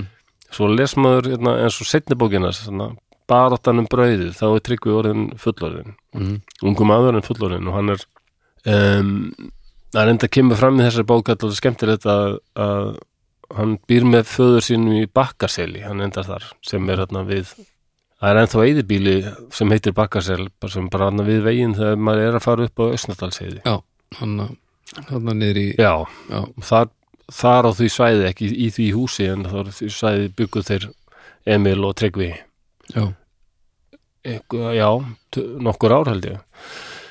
Og held að við örgulega verið þar hann segir frá því í bókinni sko að það kemur það er alveg 10 ára setna sko hann er svona 15-16 ára Mm. já, ná, 17 líklega. því að byltingin í Úslandi er svona 1918 já, nei, 17 uh, og það kemur maður sem er að segja frá þessu að nú bara hefur gerð bylting og þeir hafa bara drepið keisar mm. Og pappans, Emil pappans Tryggva, hún veist þetta alveg gjör óhæfa sko, að fólk skuli bara gera þetta, taka sinn eigin keisar og myrða hann. Þetta, hún veist þetta svo mikið mikið hryllingur, Mm. en Tryggvi hlustaði þetta og hugsaði bara hann fann til samkendar hún var að hugsa til þess að fólks í Rúslandi sem reis bara upp getnum þessu yfirvaldi og bara þegar hann gæti ímynd sér að það er fátækt fólk í Rúslandi líka. Já, og fyrst að þau geta saminast svona og bara hennilega gengið frá keisarinn hvað getum við gert hér á Íslandi? Getum við fokkað einhver upp. Já það, ég held ég sé nú engin kommunisti eða eitthvað. Ég er flakka á milli þess að vera ég vil helst ekki banna neitt og ég bara Nei, trúi mikið á einstaklega frelsi þannig ég tengi oft við það sem hæra menn segja. Algjörlega. Já. en hérna þetta, samvinna er frábær líka og hérna, Já, bara svona blanda kannski já ég held að Öfgar einhverju áttir bara vesend sko ekki jafnaður menn bara en hérna mér finnst hún mjög heillandi þessu verkeflis bara alltaf þótt, tengt, Mm. alltaf tengt við hana Já. mamma innrætti þetta alltaf í, í mig líka sko. Já, hún myndi, alveg myndi sko. svolítið hún bara ég veit ekki hvort hún hefði lesið fótætt fólk en, en hennar lýsingar bara á ýmsu það er stemma alveg við þetta sko. Já, já Þetta er veruleiki sem við erum ekki að díla við nei. Þannig að já það er til dæmis sagt frá nóvi deilunni í hérna, ba baráttan brauðið og það er það er reyndar alveg magnað sko, þá eru þeir að banna koma í veg fyrir að vera landað úr skipi sem heitir Nova. Mm. og það er bara átök hreinlega. Já, bara slagur. Já, það er bara uh, ríka liðið. Það safnar í her sem fekk og þú finnst meir svona hvítliða her það sem var mikið til bara einhverjum nasistar eða gaurar sem vantaði pening. Mm. þú finnst meira bara góða tíman fyrir, í þessum hvítliða her heldur hún sem verkamaður sko. Aha, Já.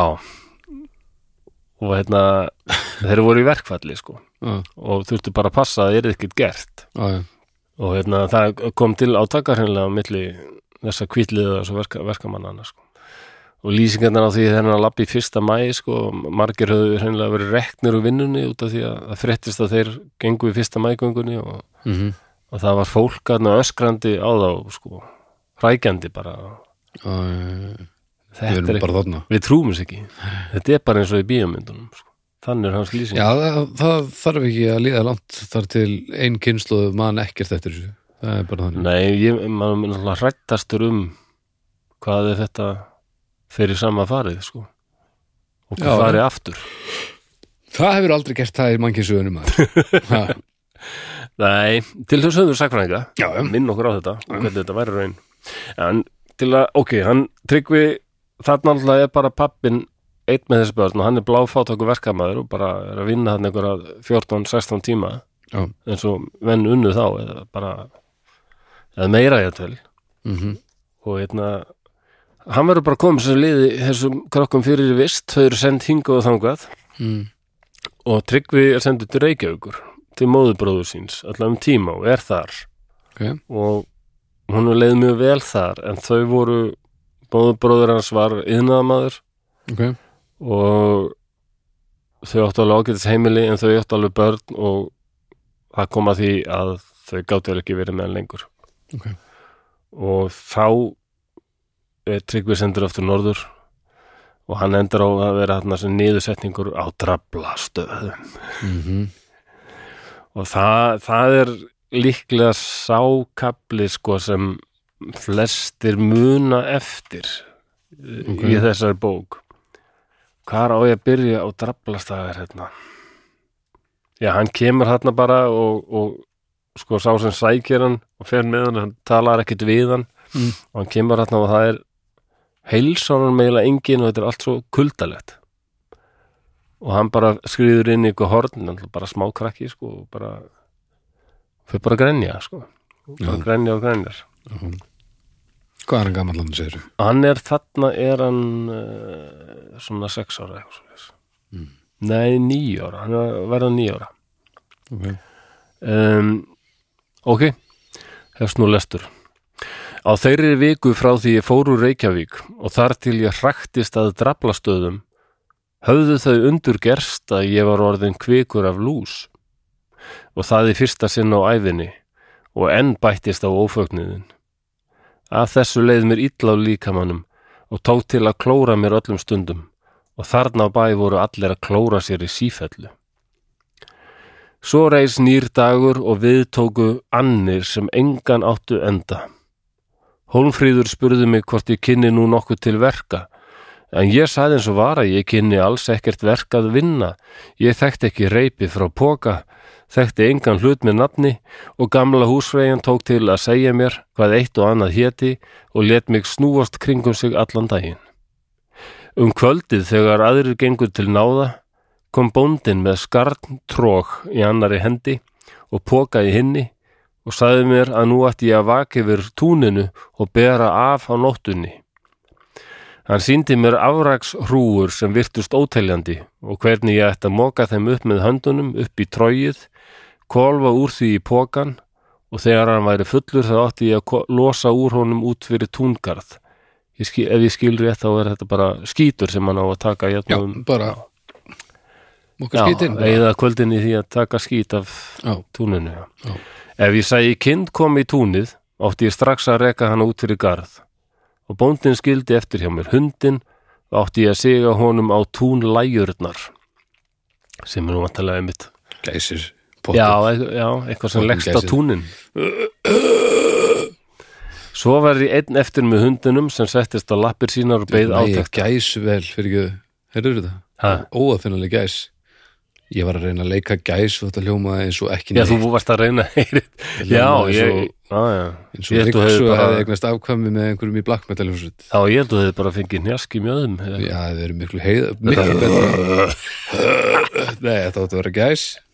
Já, Já, nei ekkert. Þessi smala hundur hétt Smali.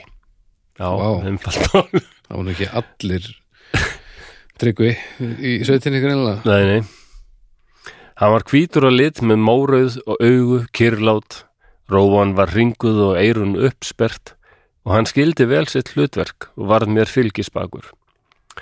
Ég fór strax að bera af og krabla skítin upp í tróið með berum höndunum og skíturinn þrýsti sér undir neglutnar og upp á unliðina. Þessi nótt var undarlega ömuleg og eftir að þoka laðist yfir lálendið var ég hrættur og var ég þann veginn að hlaupa heim að bæ og nálgast ögn fólkið, en rétti því stendur þarna hjá mér vinnustrákurinn. Hann yrti kumpánlega á mig og saðist að vaknað og sér hefði dotti í huga labú til mín. Hann var berfættur og fáklættur og spjallaði við mig rétt eins og ég væri góð og gild mannvera. Hann saði mér að ég skildi aldrei láta þetta fólk sjá mig skæla. Þá er þið hleyðið að mér, en það ættu strákar ekki að grenja eins og stelpur. Svo labbaði hann aftur heim að sofa, en ég hélt áfram að bera af, þó þokan hreytti úr sér dálítilli rigningu, svo afrakið varðað mikju og pókin er svo dregin upp úr fór. Áður nóttin leið kom Kristján út á tún og saði mér að þó mér upp úr læknum og fara svo að sofa. Hann er nýju ára. Ætli maður, maður fennu í fangilsi fyrir að láta nýju ára batt gera því í dag, held ég. Allavega fórsýðu DFF, Allavega svona í, yfir nótt þú veist, þetta er kannski svona eitthvað á nú verður þú að prófa hérna að taka, þú veist, taka eitt skít og þú sér læknum og eitthvað En búin að vinna allan daginn og bara vinna allan er líka. alveg hella sko. Þó ég var aðeins nýju ára þegar þessir atbyrðir gerðust, þá grópuðust þeir mér í minni svo ekkert fekk þeim útrýmt. Ég vakti yfir túnni og draflastöðum í þrjú vor og var ætið látin bera af á nóttunni Anskotin og æfinlega saði Kristján við mig á morgnana að nú þyrfti ég að bera meira af næstu nótt. Og vissulega hafði ég huga á að bera meira af en ég gerði. En ég varð máttlaus af sulti á hverri nóttu þar sem þeirri gömlu venju var viðhaldið dyggilega á þessum bæ að svelta smalan mér var aldrei ætlaður matur á nóttunni. Já, já. Hven, Hvena var það þing að svelta smalan og af hverju? Bara spara Já, svona hann var niðursetningur, já, bara verið ekkert að eða miklum mat á hann, sko. Um, ég hef sagt frá viðtökunum á draflastöðum þegar ég kom þangað í fyrsta sinn vorið 1912. En þó dagarnir varu yfir hlaðinir af erfiði og sulti og sorg, þá heldur þeir áfram að líða. Ég kynntist vorverkum eins og þau gerðist þá til Dala, tún á vinslu, sauðataði allt frá útstungu úr fjárhúsum að eldi við í hlöðum, söðburði, síðan sá ég lömbin mörkuð og lamprúta gelta í réttinni, rúning á geldfje og dilkám og þegar ég hefði þraukað þetta allt af í þrjár vikur komu fráfærurnar. Þar á eftir var ég gerður að smala. Fráfærunar Og fráfærur, það er þegar ær og lömb eru aðskilin á vorin svo það var hægt að nýtja mjólkina. Mm. Þetta er basically það bara... segja þetta við ab. ég efast um að þetta já, lömbin voru hennilega kel, kelvd ke, kefluð. Kelvd, kelvd svo þau náðu ekki að sjúga maður sínar. Já, en þeim var bara stíja frá Já. eða lokuð inni. Já, já. að fá meiri mjólk já, já, já, já. Fráfærur En Fráfærur þetta lagðist víst af svona fljótlega upp úr 1915-20 Hvað er það? Frá, fráfærinin Já, að því að hérna, þá fyrir lambakjöt að verða sko miklu eftirsóttara og, já. og verðmætara Já, já, svo að já, borgaði sér betur að láta lömbin fá, fá mjólkina já, já, já. Okay. en að mjólka ærnar það var alveg gert sko Lítirinn að ég hefur smakkað það? Nei, Nei, ég hef ekki smakað hana. Veit ég hvort mér langar til það sko. Mér langar klálega til þess, ég er alltaf til að smakka allt en ég held hún sé alveg döfuleg. Ok. Já, gerður að smala. Ég verður miklu frekar til í rollu mjólk en flosadjús Ok. Já og hérna á draflastöðum var vinnumæður sem hétt Fúsi hann var verkmaður og eldfljótur að prjóna harður var hann í lund og fekk ég ofta að kenna á hans hirtingum og það af litlu tilefni og komið því hans þetta eldfljótur að prjóna menn hefði hann áður fyrir þá að prjónuð allir já. langflestir kunnuðu Já, að prjóna sko. já, já. þetta er eitthvað sem bara allir þurfti að kunna sko. Þannig að það. var var bara brjálaður heimils og ofbeldis prjónakall já, en það reyndar hérna, eða þú veist. Já, hann er Fúsi svo ég held áfram sko, Fúsi var mér verstur af þessu fólki og sló oft til mín ef ég var nærri. Hann var harðhendur og sló mig oft í andlitið svo ég fekk blóðna sér sem mér var hætt við og var guðrúnu skemmt ef mér blætti svona, já. Já, já, Það voru þarna þessi tvö hjúvarna sem þau Fúsi og Guðrún, þau voru ekki góðið hann. Og hérna, henni fannst svo ossalega gaman þegar, og skellilóð þegar strákurinn fekk blóðna sér þannig að Fúsi, og, og Fúsi var aldrei hrifin á Guðrúnu. En hann var mikið því að lemja tryggva litla og láta hann fá blóðna sér og Guðrún hí, leið. aldrei smagna pakk. Já, finnst þessi síðasta setning samt, hún alveg stóð föst í mér, sko. Um, sló mig oft í andlitið svo ég fekk blóðnasir sem mér var hætt við og var guðrúnu skemmt ef mér blætti. Mhm.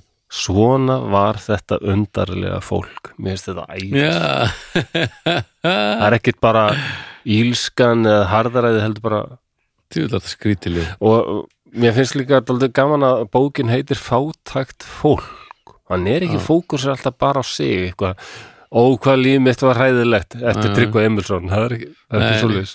Eða eins og hvað hérna hann mestarinn hann Birkiland sem gátt bókina sem heitir besti bókatill í heimi sko. Hvað er það?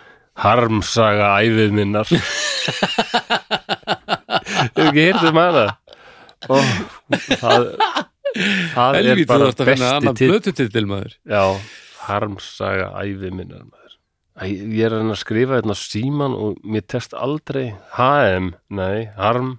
Hæmsaga Akkur er ég með svona feita Hæmdafa Þetta er bumbuputtar. Já, þú er bum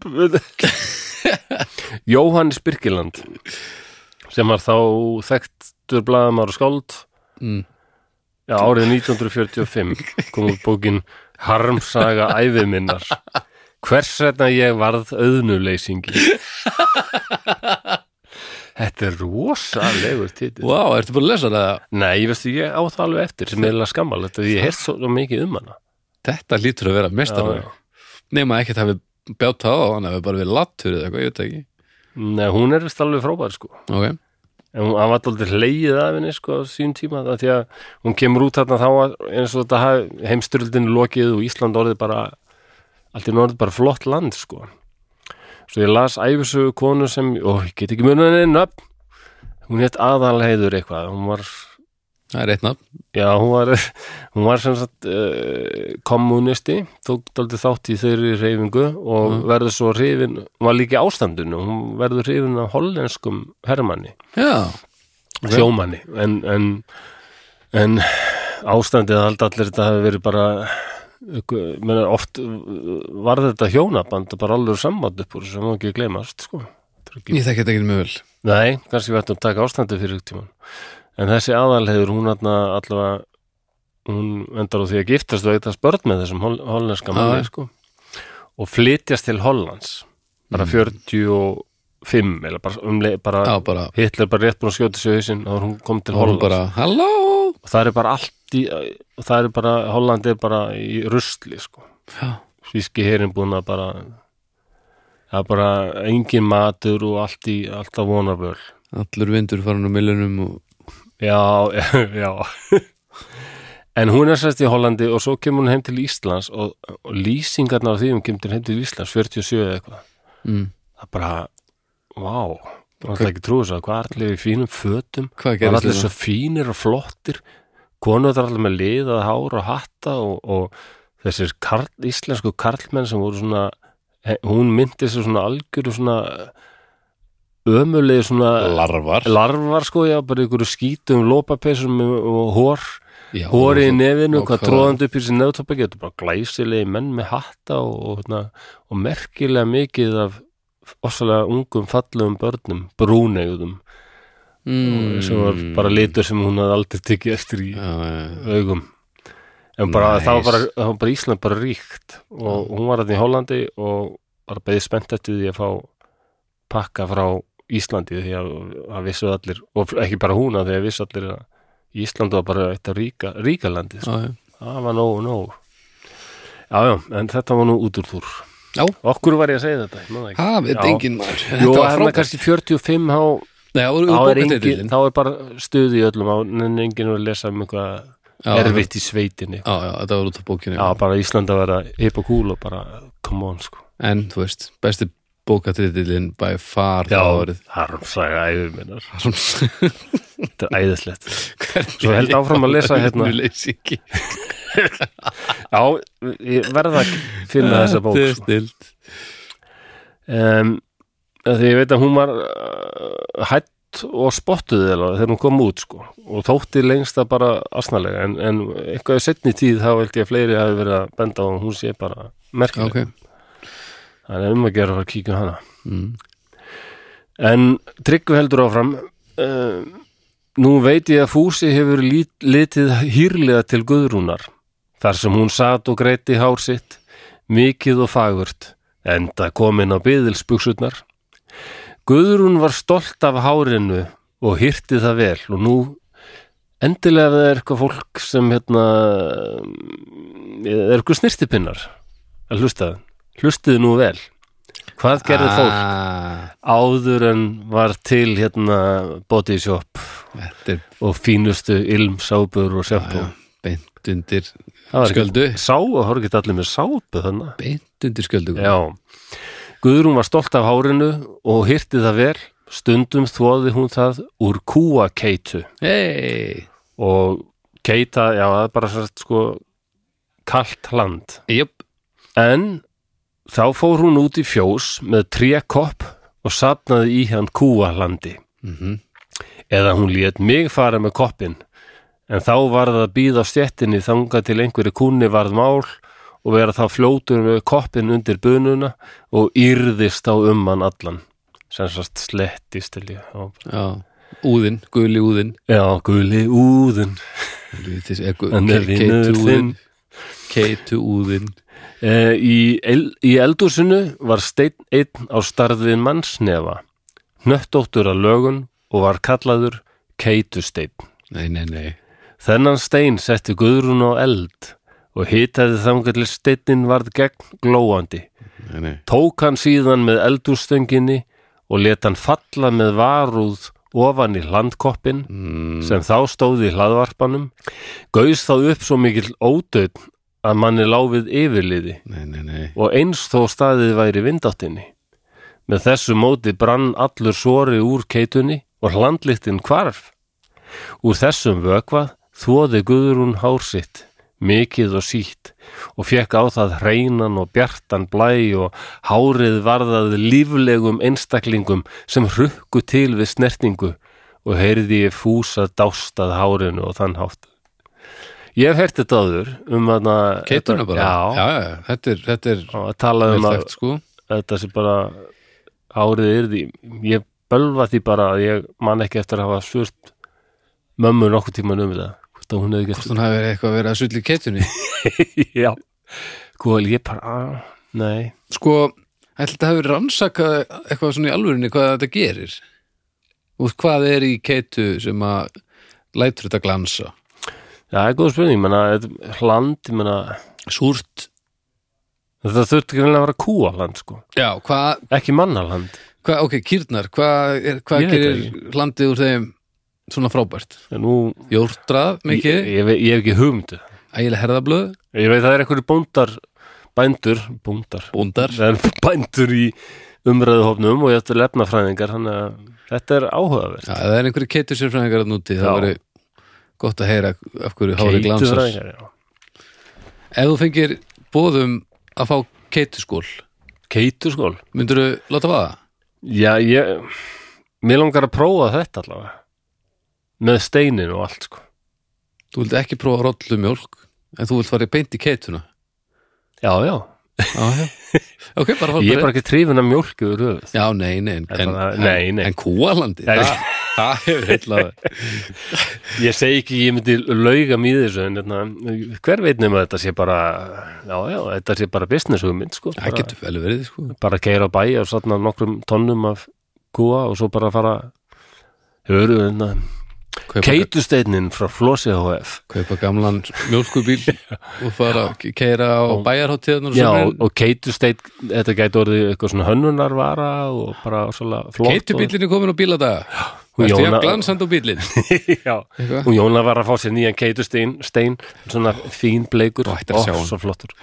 Nýju keitusteinin frá Þessi Flossi HF keitusteinn er ógislur bara svo það sér henni Nei. og eldhússtöngin af hverju verður nota eldhússtöngina í fólk- eldhússtöngin ætti bara að vera inn í eldhúsi það er verið að elda inn í eldhúsi. Hann að reyna að halda þessar helviti stöng nokkur henni ekki vera að setja setja hana í keitusteinin hvaða vitlis er þetta?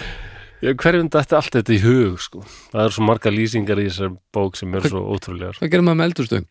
þú veist hvað, Já, það er svo margar spurningaflósi þetta er alltaf uh, verið í hún tók lesandri hann síðan með eldhús töngin. Töngin. Ég held að það er stöng. Ég held, ég held að það er satt stöngin sko. Nei, töng. Ekkert betra Ég veit ekki, það semst eitthvað sérst töng sem var bara í eldhúsinu. Já, en þú veist, nú er þetta orðið keitutöng og það er, það er annað. Allavega, Já, það er nú það. Svo ég held áfram að segja frá þessum fúsa. Þá segir Tryggvi hérna setna á æfigöngunni kynntist ég sískinum hans fúsa þessa. Og þá var mér sagt hann ólst upp í stórum sískinahóp þar sem mikilli hörku var beitt við börn og fullorna í baráttunni við öflun nauðþurta og þar var hann látin kenna á stjórn föður síns sem verið hefði harðduglegur maður og harð hendur. Kanski hefur framkoma vinnumannsins við tökustrákin verið hemd fyrir barsmíðar í æsku. Honum var óeðlilega laus höndin. Kanski hefur hann líka verið að þóknast þeirri fagur hærðu mei sem satt með höndur í kjöldu gengt ástmanninum og virtist hafa ánægju af að heyra umkomu leysinga kjökra og bannaði mér þá að láta til mín heyra. Þegar Fúsi sá ástæðu til að slá strákin, þá gerði hann það æfinlega án fyrirvara og þegjandi, en það var aldrei neina ástæðu til hyrtingar, engin mótþrói eða uppsteit. Það versta var að hann leitaðist við að slá mig á nasirnar, þar sem mér var blóðnasa hætt og því blætti í hvert skinn og þá sá ég henni Guðrúnu var full skemmt. En Þorger spóla kvöldið var ég ekki barinn. Það var nefnilega búin að lýsa því hérna undan sko að hann, hann sá eitt, hann hafði séð eitt frægasta draug Íslandsöðunar, Þorger spóla. Það sá hann hann, já. Já, og það þótti svo merkilegt að hérna, Hann var ekki lamin. Já, það var ekki lamin. Það er nefnilega eitt sem er í þessari sögu, eins og mörgum æfisögum íslenskum, það er draugasögunar. Ég veit að þú núna bara, ef þú væri bróðgöldur, þá væri þeir allir komnir bara langt út, sko. En mér finnst aldrei gaman að hafa þessar draugasögur og ég er að reyna að finna skýringu á þessu. Ég tel í draugasögur, sko. Já, ok. Mér finnst það alltaf lagi, sérstaklega í gamla dag. Já, En ef það kemur eitthvað til mín bara í smáralind í dag og segir bara, heyrðu, það var bara draugur hérna í HM, þá er, hvað ég þá að gera? bara ringja á vælubílinn, ég það bara alvöru vælubílinn, Já, sko. þú veist, fer En engin, að nata gula og rauða. alltaf, veist, það fær engin, það fer engin að láta vita, skilur af því að það er, þetta er ekki, Nei, en þarna það er nefnilega tölvöld að drauga sem hann hittir Alvamær og svona Ég, Já, ég reyna að setja þetta í eitthvað kontekst sko. Maður, eh, hann, og svo er hann að lýsa til dæmis hann er að lýsing á einu stað þar sem hann liggur bara að horfa á regndrópa sem eru fastir í loftinu. Hann er alltaf að býða eftir hvort þið detti. Já, og hann hálpartin kennir í brjóstum þessar regndrópa sko, að hafa einhvern tíma verið hlutað ykkur stóru skýi eitthvað, en eru komnir hérna bara og núna fastir í loftinu okkur fátækum kotbæ á Íslandi. Já, þetta li- bara, er- ef maður lesa þess bóka finnum maður hvað hann er hann er listnæmur já, og hrifnæmur maður. Ég er samanlega því. Já, og ég er, get ímyndað mér og þarna það sem er ekkert Netflix og það er bara sultur og skortur og, og erfiði og bara sultur sem sagt ekki, ekki margar tegundir af sultum heldur sultur. Já, hann sulturinn ekki Netflix fullt af sultum bara og stakki og já, það er munur á sultur og jarðarbera sultur Það er jarða bara sultur. Sultur og hérna já, já, hungur. Já, hungur. Já, hungur ég var. En um, ætli ungverjaland sem sagt heitir náttúrulega hungari á ennsku ætli svo songir alltaf? Nei, nei. Já, Já. Nei, þetta er ekki hvað þetta þetta var var misað sko. Já, þetta, um, er svona- höldu bara áfram eins og þetta hafi ekki gæst Þetta verja ungdóminn, alltaf un- ungverja Gammal verja land við liðin á kannski. Nei, nei, ok. Já, já. Húf. um, Hvert var ég nú komin? Það veit Já, og þetta að sjá það er náttúrulega er önnur bók sem ég las sem er miklu nýrri mm. en lýsir ólýrsenlegu hryllingi sem gerður Kristný skráði held ég og heitir eftir, Lind, neð, eftir hérna, Telma Ástísastóttur Mm. uh, sem heitir Myndina pappa og lýsir alveg sæðilegu svona simjaspellum og eða bara í raun bara óbúslega miklu óðbeldi Já. misnótkun á börnum Já, hryllingur og Telma lýsir því þar í bókinni að hún lifur og hræri sem sagt alltaf í þessum hryllingi og þá bara Já. heilin gerist eitthvað. Og hún, hún til dæmis lýsir sko hyllingum eða einhverju svona einhverju sem hún upplifur til þess að einhvern tímann er hann að labba og henni finnst bara hrapp hrefna, fullt af hrefnum koma með gargi og látum og bara alltaf ráðast á hana. Já, ok. Þetta er svona, já, þetta eru hýtlingar sjónkvöringar Já, já ég meina og hérna, er hún upplifur henni vist verið eitthvað draugagangur og svona sko, en þegar maður er undir einhverju álægi já, meina það sko. Já, já, ég, ég hugsa að ég hef aldrei komist nála til að lenda í neinu svona löguðu þannig ég, ég get alveg keft þetta. Við getum alveg geift að hann hittir hérna hleiðargarðskottu eða hleiðrargarðskottu með frægur íslensku draugur. Hleiðargarður eða gerði er hérna er held ég rétt hjá hérna í eiga, eiga fyrirðinum mm. en það var vinnumæður sem hefði gefið honum hérna hníf Ok, Hann, uh, ótrúlega gjöf já, gaf stráfnum bara hníf og sagði sko að þessi hafði hann alltaf með þér þennan fæli burstu drauga og hann trúði því sko. mm. þannig að hann bara greipi hnífinu og þá bara hörfaði draugurinn og svona mm. já, já. En þú getur þú fyrir ekki svona lýsingar semst? já, já, þetta, ok. mér finnst þetta var líka bara þú veist, ég þarf ekki að krifja þetta bókstaflega til þess að að að skilja að þetta hafi bara verið já, já, partur á þessu. Heilin getur náttúrulega framkalla allskins og svo líka blandast inn í þetta á þessum tíma þá var þetta miklu sterkari hluti af öllu sko. Já, já, já, algjörlega. Já, en ég meina að það er útrúlega heppilegt að allir er að nefndrópa stórunöfnin, þú veist, hann hitti bara ekkert eitthvað nei, nei, drulla draug sem getur ekki neitt, þú veist nei, nei það hitt aldrei neitt einhvern Ég held að báðir þessi bólar samt, eða þessi draugar, Þorgisbóli og, og Hleiðrar, Garð, Skotta, Já, e, séu bæði úr þessu, þessu, frá þessu svæði, sko. já, en það er svona pínu Draugar eru staldur svæðispunnir oft, sko. Þetta er eins og svona Húsavíkur lalli, hefur ekki reykist á Húsavíkur jú. En sko, ég lalli? meina, þetta er svo mikið neymdróp alltaf hjá fólki sem sér drauga það sér alltaf að, þú veist, Já, það er daldið þannig þú stundum, veist sko. þú hittir aldrei einhver draug sem er bara einhver, Nei, nei, bara einhver aumingi sem getur ekki gert þér hættan einu sinni. Ég, ég, já, ég var alveg til að upplifa draugagang, ég hef aldrei gert það. En útrúlega Ég er, en út, ég, hérna, já, ég sátt maður frekar snemma og svo hringdi þú í mig Já, og nú þriðgudagskvöldið mm. og ég er alltaf fór ekkert að sofa alveg strax aftur. Það var reyndar, að nei nei, ég er það alveg núna í nótt. Þá gæti ég ekki sofið þannig að var eiginlega klukkan 1, 1.30 minnati fór ég að horfa á The Conjuring. Mm. aftur og aftur og mér leiði rosa vel eftir. Ah, já, alveg bara. En, en, en, tekst alltaf daldið svona skelfaði mig. Já, Mér finnst það bara gott og ég, ég held að þetta er líka svona eins og þessi strákur sem stjórn með geðkvarar Siggi og spilar podcast á þreiföldar self-medication án hugbreytandi efna. Já, já, þetta er bara halda sér á tónum Já, og einhvern veginn virka, virka horrormyndirna svona. En nú- núna eru komin. Já, ég geti klálega farið á einhvern miðelsfund ég held að það hefði þau áhrif á mig. Ég er alveg brjálaður og myndin á núlstillingu og núleini Já, já.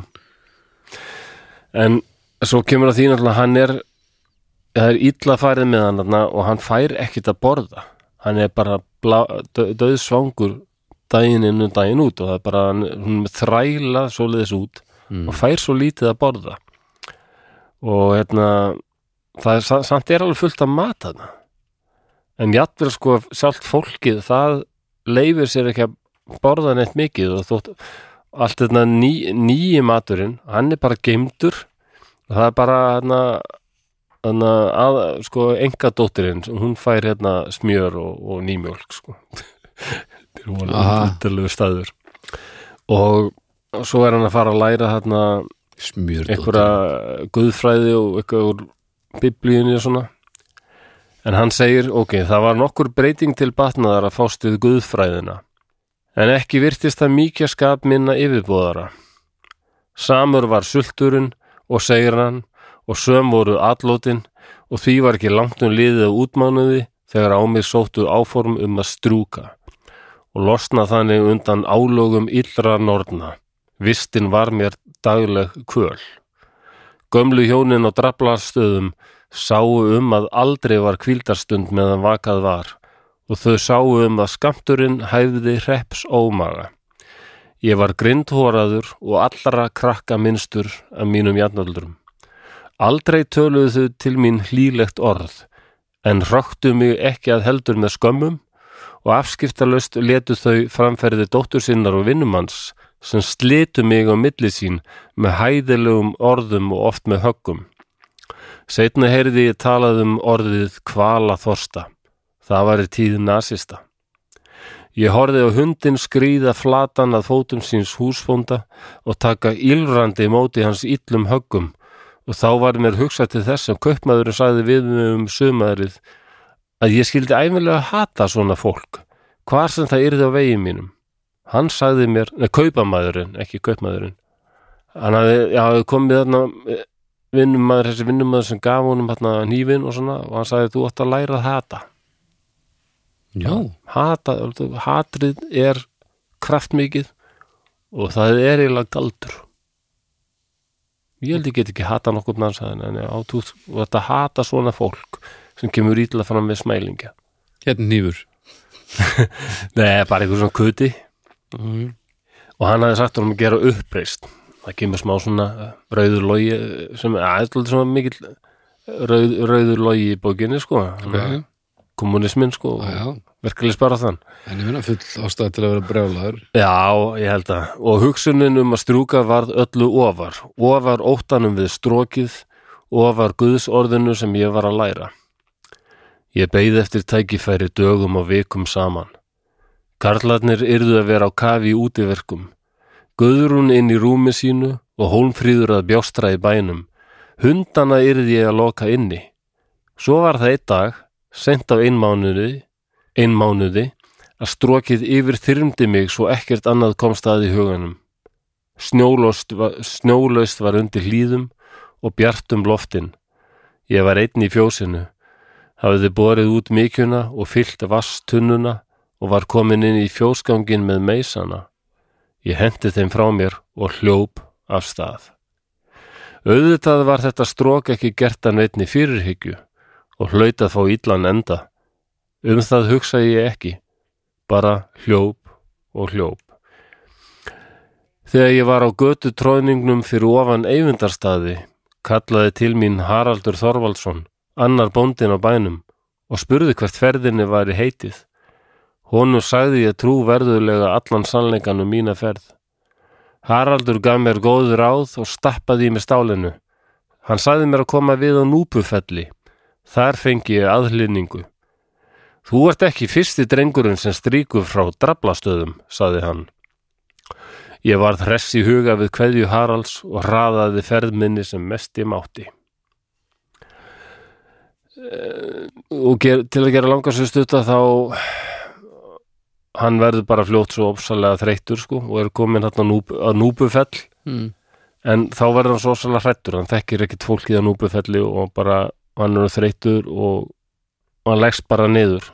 Lítill hóraður strókustrákur og fann sultin færast úr maganum út í blóðið og taugarnar.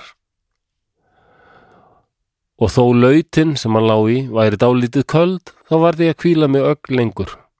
Svo kom svefnin að fyrra mig þreytu og hugar ángri hann hefði sem sagt kannski mögulega bara geta dáið úr ofkælingu. Já, en þá kemur Kristján bóndi á draflastöðum þá er hann farin að leita hann vestunum og hann vaknar við hóvatinn Guðum bóndin og bara hendir sér á hestinum og skellir honum upp á hestin og það er fyrir með hann aftur í bæinn sko. um, skotin maður. já eftir þetta stróka breytist aldrei þessi fúsi þarna hættir eiginlega að, að lemja hann sko. En þarna unnustað hans þarna Guðrún þarna, mm -hmm. dóttirinn þarna hún er, drottning. Já, hún, hún er alltaf að, hún er mjög ógeðslega við hann alltaf. Mm. Að segja bráðum verðan sko hýttur hræðan með því. Hvað er hún gömul þessi? það, ég veit ekki hvort að það fylgir sögun að neikst staðar. Hún er óþróði. Já, ég hún bara verið unlingur örgla já, já, svona var þetta undarlega fólk ég elsk, elska þessa setningu. Já, já. En hann fer aftur í sömu vistina og það fer allt í sama farið. Hann er ekki beint skammaður en það er bara það er bara ekki tala við hann. Mm. Hann er bara vakinn aftur bara um daginn og bara fóðu vinna. Það er þessi kuldi líka skilur sem er sko Grítið sko. Það er afskiptaleysi þú Já. ert. Afskjötaleysi, það er Já. um það sko. Við höfum nú báður farið til sama sálfræðinsin einu sinni. Já, bara rokkara sálfræðingurinn tók hérna jú, jú, nokkra okkar alveg. Alveg frábær kall. Já, hérna, eitthvað línuna. hann sagði að það væri að morguleiti erfiðar að, að sko að vera með fólk sem hefur búið við andlegt ofbeldi heldur en það sem hefur upplifið líkamlegt ofbeldi. Þetta sko og, og ég sjálfur sem upplifið sko afskiptarleysi mamman bara þannig að pappi degið þá eiginlega hún, hún missir eiginlega vitið bara. Hún er ekki í neinu standi til að hugsa um mig sko. Já, nei, nei. Og það er líka þetta, þetta afskiptarleysi mann finnst mann áttara gömlum vera bara einn í heiminum sko, eða já, það, það er ekki fyrir bara tiltölulega nýlega sem ég er að heyra frá fagfólki það er mjög, það, það er í alvörinu mjög slæmt sko. uh, Það já, ok. það er nú fyrst að heyri fagfólki þess fyrir. Já, ég, ég sagði mér alltaf einhvern ég hef hálfa átt ég, ég, ég hef ekki átt mér fannst ég vera bara algjör aumingi vera eitthvað þunglindur og svona að því ég hef ekki átt slæma æsku ekkert verið lamin og svona eins og annað fólk sem ég þekkti sko en það Já. þarf ekki alltaf það til. Þetta afskiptaleysi er alveg ákveðið ofbeldi líka sko. Já, algjörlega Já, já, já. Og hann er og hann fær ekkert að borða og að- að- það er komið að hann er, hann er bara er, erfitt með að standa uppréttur sko. Hann er bara degjur hór. mm. En svo kemur að þeim degi að hann bara leikur hann og bara verður reyna að dragtast á fætur. Það var bara að banka á hurðina og bara svona kröftulega. Mm. Og það er opnað innstorma bara maður og, og tryggvið þekkir þessa, þessa rödd undir eins. Þannig er Emil kominn. já, já, pappa Emil. pappa beri mættur Já, þá hafði nefnilega sko bóndinn þarna sem hann hitti. Láttu við það hann látið sagt einhverjum öðrum frá þessu öðrum og end, endanum fréttist þetta til já, pappans tryggva sem var þá inn á Akureyri held ég. Ok, hann verður bara brjálaður Almennilegt og bara mætir hérna og hann og tryggvi lýsið hvernig pappans sko hundskammar bóndan hérna fyrir framann allt hans fólk og þau verða öll eins og umíkjar það er aldrei svona það mætti gera sjónvarstætti eftir þessu. Já, og líka velgert hjá hann að strjúka að borga þessi já, já, hann var farin að láta sér dreyma um að gera það aftur sko. Já, já, bara vissi það bara, hann var eiginlega farin að vera, vera viss um það að hann myndi bara deyja þarna sko. mm. um, og þeir flytja þá í bakkasil og þá er nú lífið öll skárra sko en, en ja, það er ekki þessi hræðilega vist eins og draflastöðum en, en þá er þetta fólk blá, blá, blá fót, fá, fátakt sko, alveg rosalega. Já, ég held að það sé 1915 sem hérna þau, þeir eru komnir í bakkasel. Ok. Og endur tek það að það er þegar þeir eru á leiðina annarkvort að koma af Öxnadalsheðinni eða að fara á þá sjáu þið hús mm það er að koma af henni þá er á hægri hönd það er að fara á hana, leggja á hana þá er á vinstri, já, niður sem er hérna. draugalett en eðibílið og það er bakkasel já, það er ekki einu Þarna svona bjuggu þeir einfalt félagar. gler það er ekki, það er ófalt gler það er ófallgleri sko. já, já. já og hérna sko það var eitthvað hann Emil hafði kynst konu sem heit Pálína mm. og þau höfðu alltaf að reyna að hefja eitthvað búskap saman. Ok, og, og hún verður ólétt. Já, og hún er honin hérna, kas ólétt en er að já. Pálína er honin kas ólétt eftir Emil og er að samt að baksa við ykkur eldavél. Þegar hún dettur, dettur á eldavélina mm. og hún skaðbrennist og slasast alveg rosalega alvarlega og er í marga mánuði e, á sjúkrósi og be, ber eftir þetta mikið líti. Já, og hérna hún eignast með miklum erfiðleikum stúlkubarn sem fær nafnið Emilía. En það verður ekkit úr þessari sambúð og hérna, einn daginn kemur bara Emil heim í bakkasel með lítið barn já, sem er hálsistir tryggva. Ok. Og hann verður strax alveg ó- óbóðslega hrifin sko ja, og tryggvi lýsir því. Ég gat þess áður að annan ágúst um sumarið kom faðir minn heim með ungbart sem hann átti. Strax fyrsta kvöldið sem þetta barn gisti bakkarselsbæin var því hólað niður í mínu rúmbæli og þar hýrðist þessi systir mín meðan henni endist líf. Hún eignaðist aldrei sæng eða kotta. Það varð mitt hlutskiptið að annars þann á nóttunni og eins á daginn milli útiverka. Hún var aðeins fjögara mánada þessar veturnætur. Líka minn var lítill og magur vegna mjólkur skorts, en sálinn hafði þroskast miklu örar. Hún virtist skilja á við ársgamalt barn.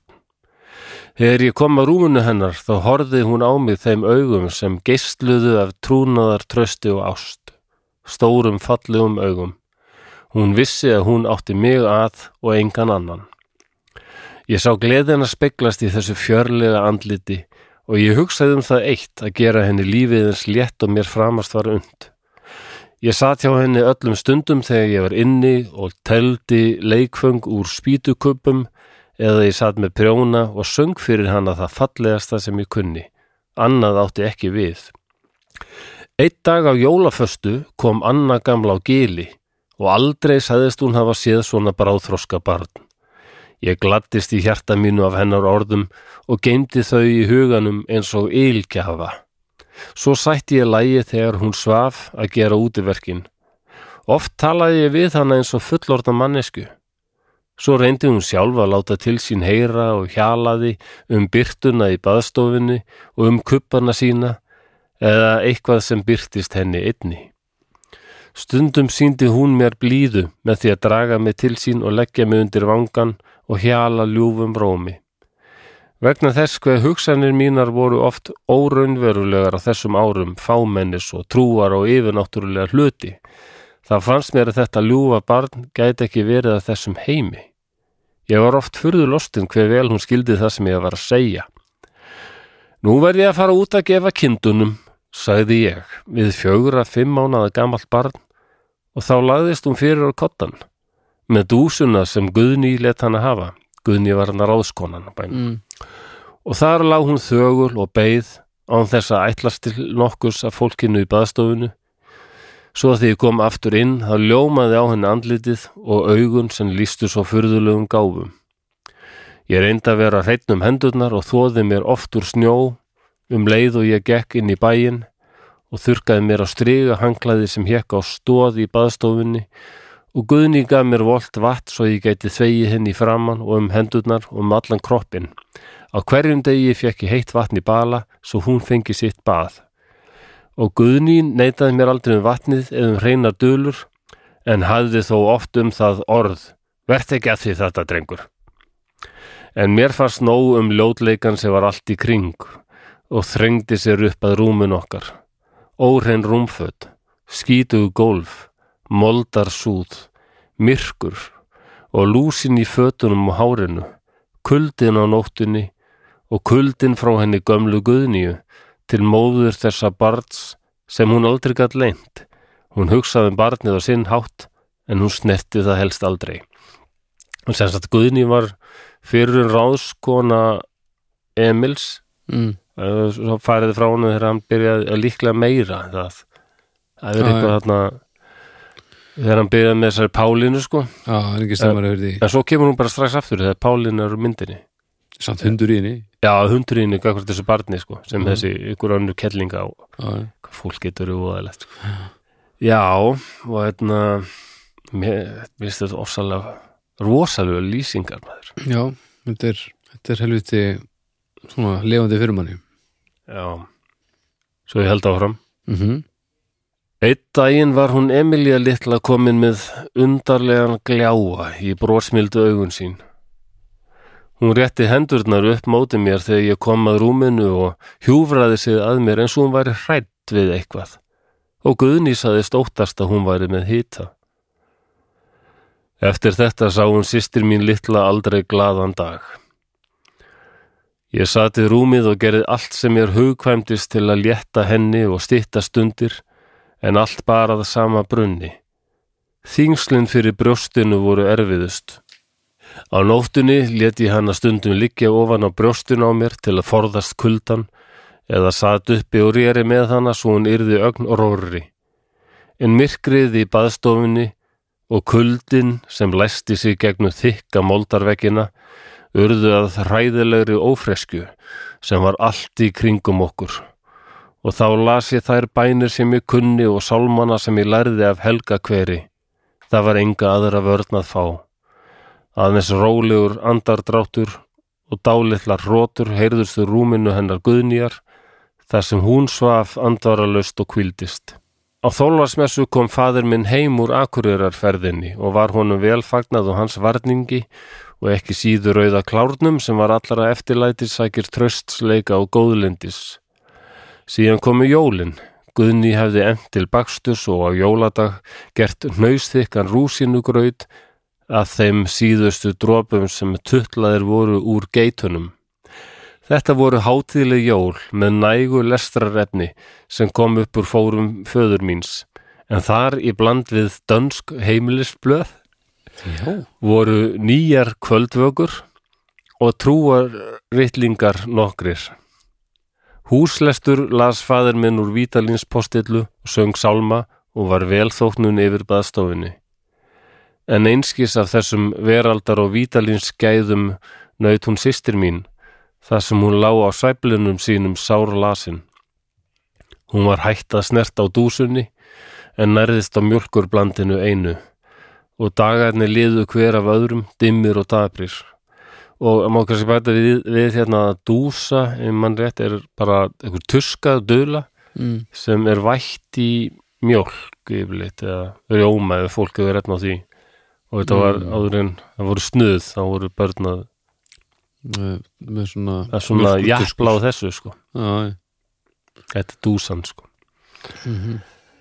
Þe- Það var um miðjan janúar sem Þorsteinn og Gili fór til Akureyrar með hest og sleða og bauðst til að taka út varning fyrir föður minn.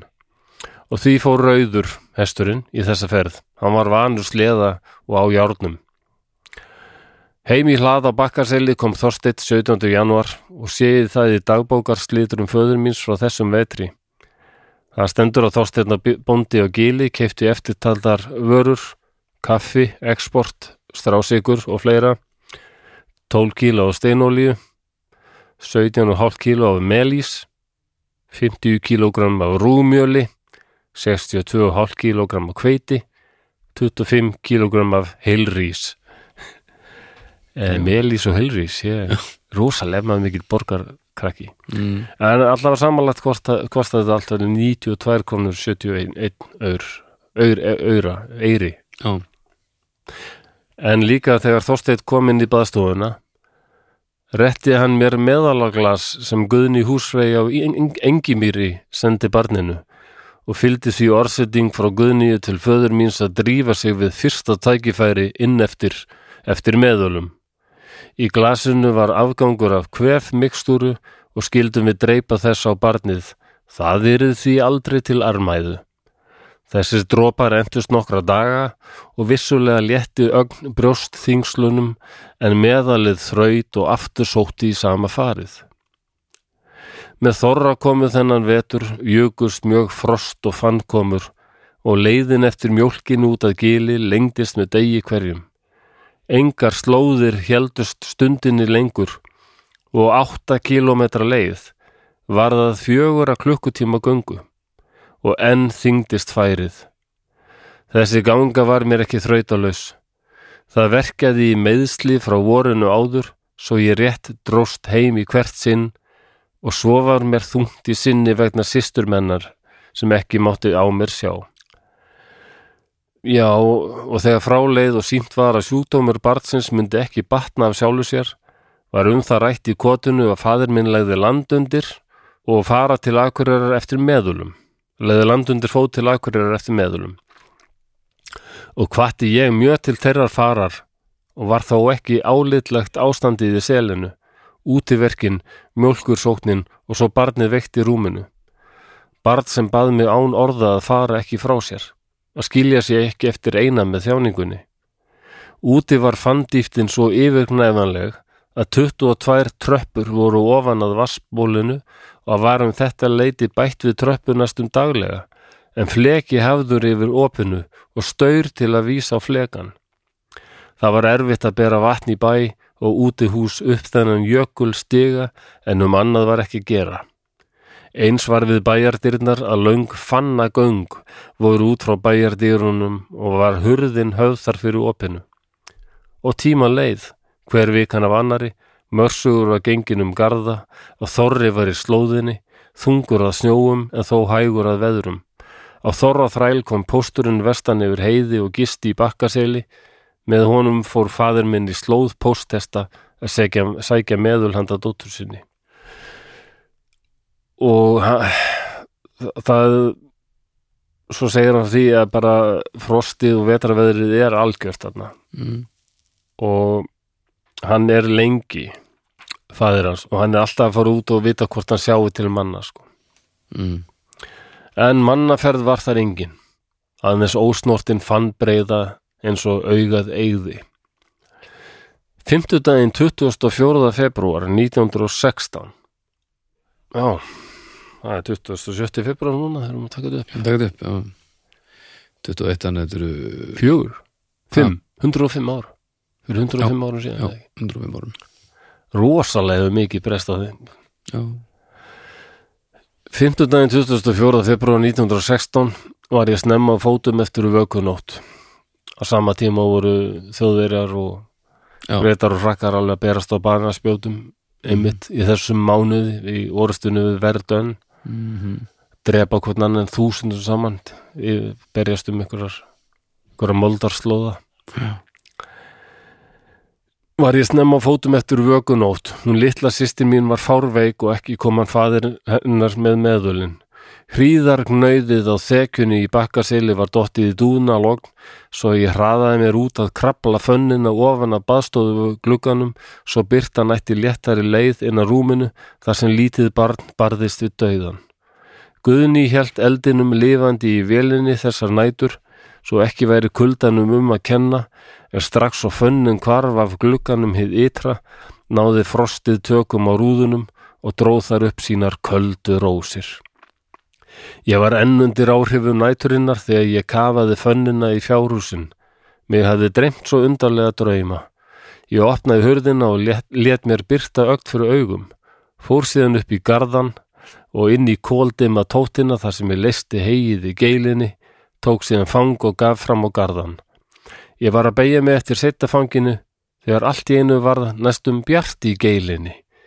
Ekki varð mér hvert við þessa byrtu en sleftið þó fanginu og leiti í kringum mig og þá sá ég hver svolítið skert og fagurt ljós flögraði til og frá milli stappana svo hvergi bar skugga á. Ekki gæti ég greint að nokkur heldi að þessu ljósi. Það var eitt af sjálfur sér, engin lampi eða utanlakomandi geisli. Ljós sem enginn hafði kveikt, aðeins ljós sem lifði smástund og hvarf. Ég beigði mig aftur niður eftir fanginu og gaf fram á garðan og hljóp svo á stað heim. Í bæjardýrunum mætti ég Guðnýju þar sem hún stóð með týru í hendinni og sagði mér að hún litla sýsti mín væri dáin. Hvað er hún gömur alltaf þá lilla? Eins og rúmlega eða, Ég var, var alltaf það, sko.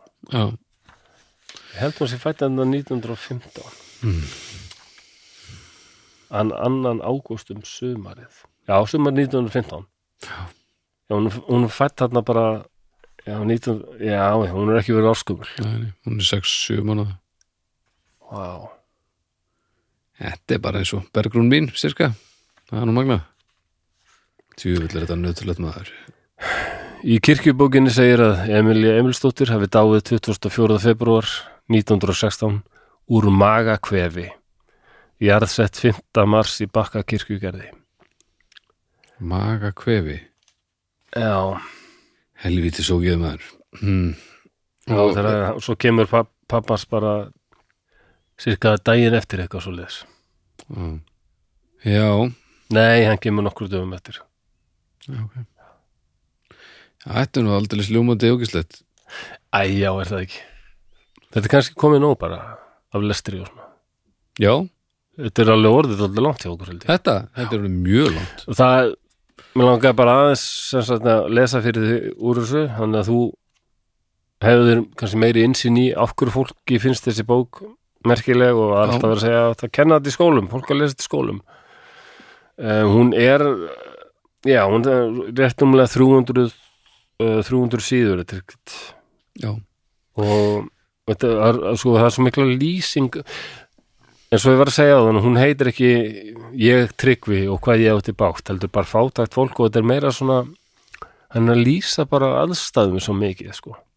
Hann lýsi hvernig þetta undarlega fólk ég kemst ekki yfir hvað mér finnst þetta aðeinslut en hann er ekki að fókusa allt of mikið á sig heldur bara aðstæðunar já, þetta er svolítið svona tíðaranda, já. gefur manni svolítið tíðarandan Ég held að allir hafa kannski gott á því, ég meina, við komum úr þessu, þetta er, þetta er svakalegt hvernig fórfjöður okkar. Já, já, þú veist, nenni ekki, nenni ekki út í búður einhvern veginn, Eh, Nei, fær svona aðeins annan, annan blæ, nei, sem þetta, og maður, að því maður þekkir nú, kannski flestir sem þekkja nú þessa vegalend frá bakkasel, mm. vinni akkurýri, mm hvað ætlum maður að maður nú lengi að labba þetta? labbaði það? Já. Já, ég, Hvað heldur þess, 12 tíma? Miklu eða lengra? Örugglega lengra, fyrir líka eftir ástíma og svona. Já, og hvað þá að vetralagi með þér? Mm. Svo er náttúrulega fleiri, ég bara reyndi að dreipa þess á þessu sko, það eru ef einhverju vera brjálaður þú okkur myndist ekki að þetta bla bla bla bara Mm. hætti þessu Móturhulinn í gangi? Já, já Rosa móturjúl, er þetta ekki Harley Davidson? Jú, jú. Þetta er Harley man. Þetta er Harley. Harley, Iron Wing, ég það ekki Uh, jú, hvað var það ekki? Besti vinur hérna berfætta bandit Harley, Iron, nei, I, hvað heit hann? Var það ekki Iron Wing? Jú, Iron Wing Davidson, Já, Harley Iron Wing Davidson eitthvað svo leiðis. Já. Stórkostlegt nafn.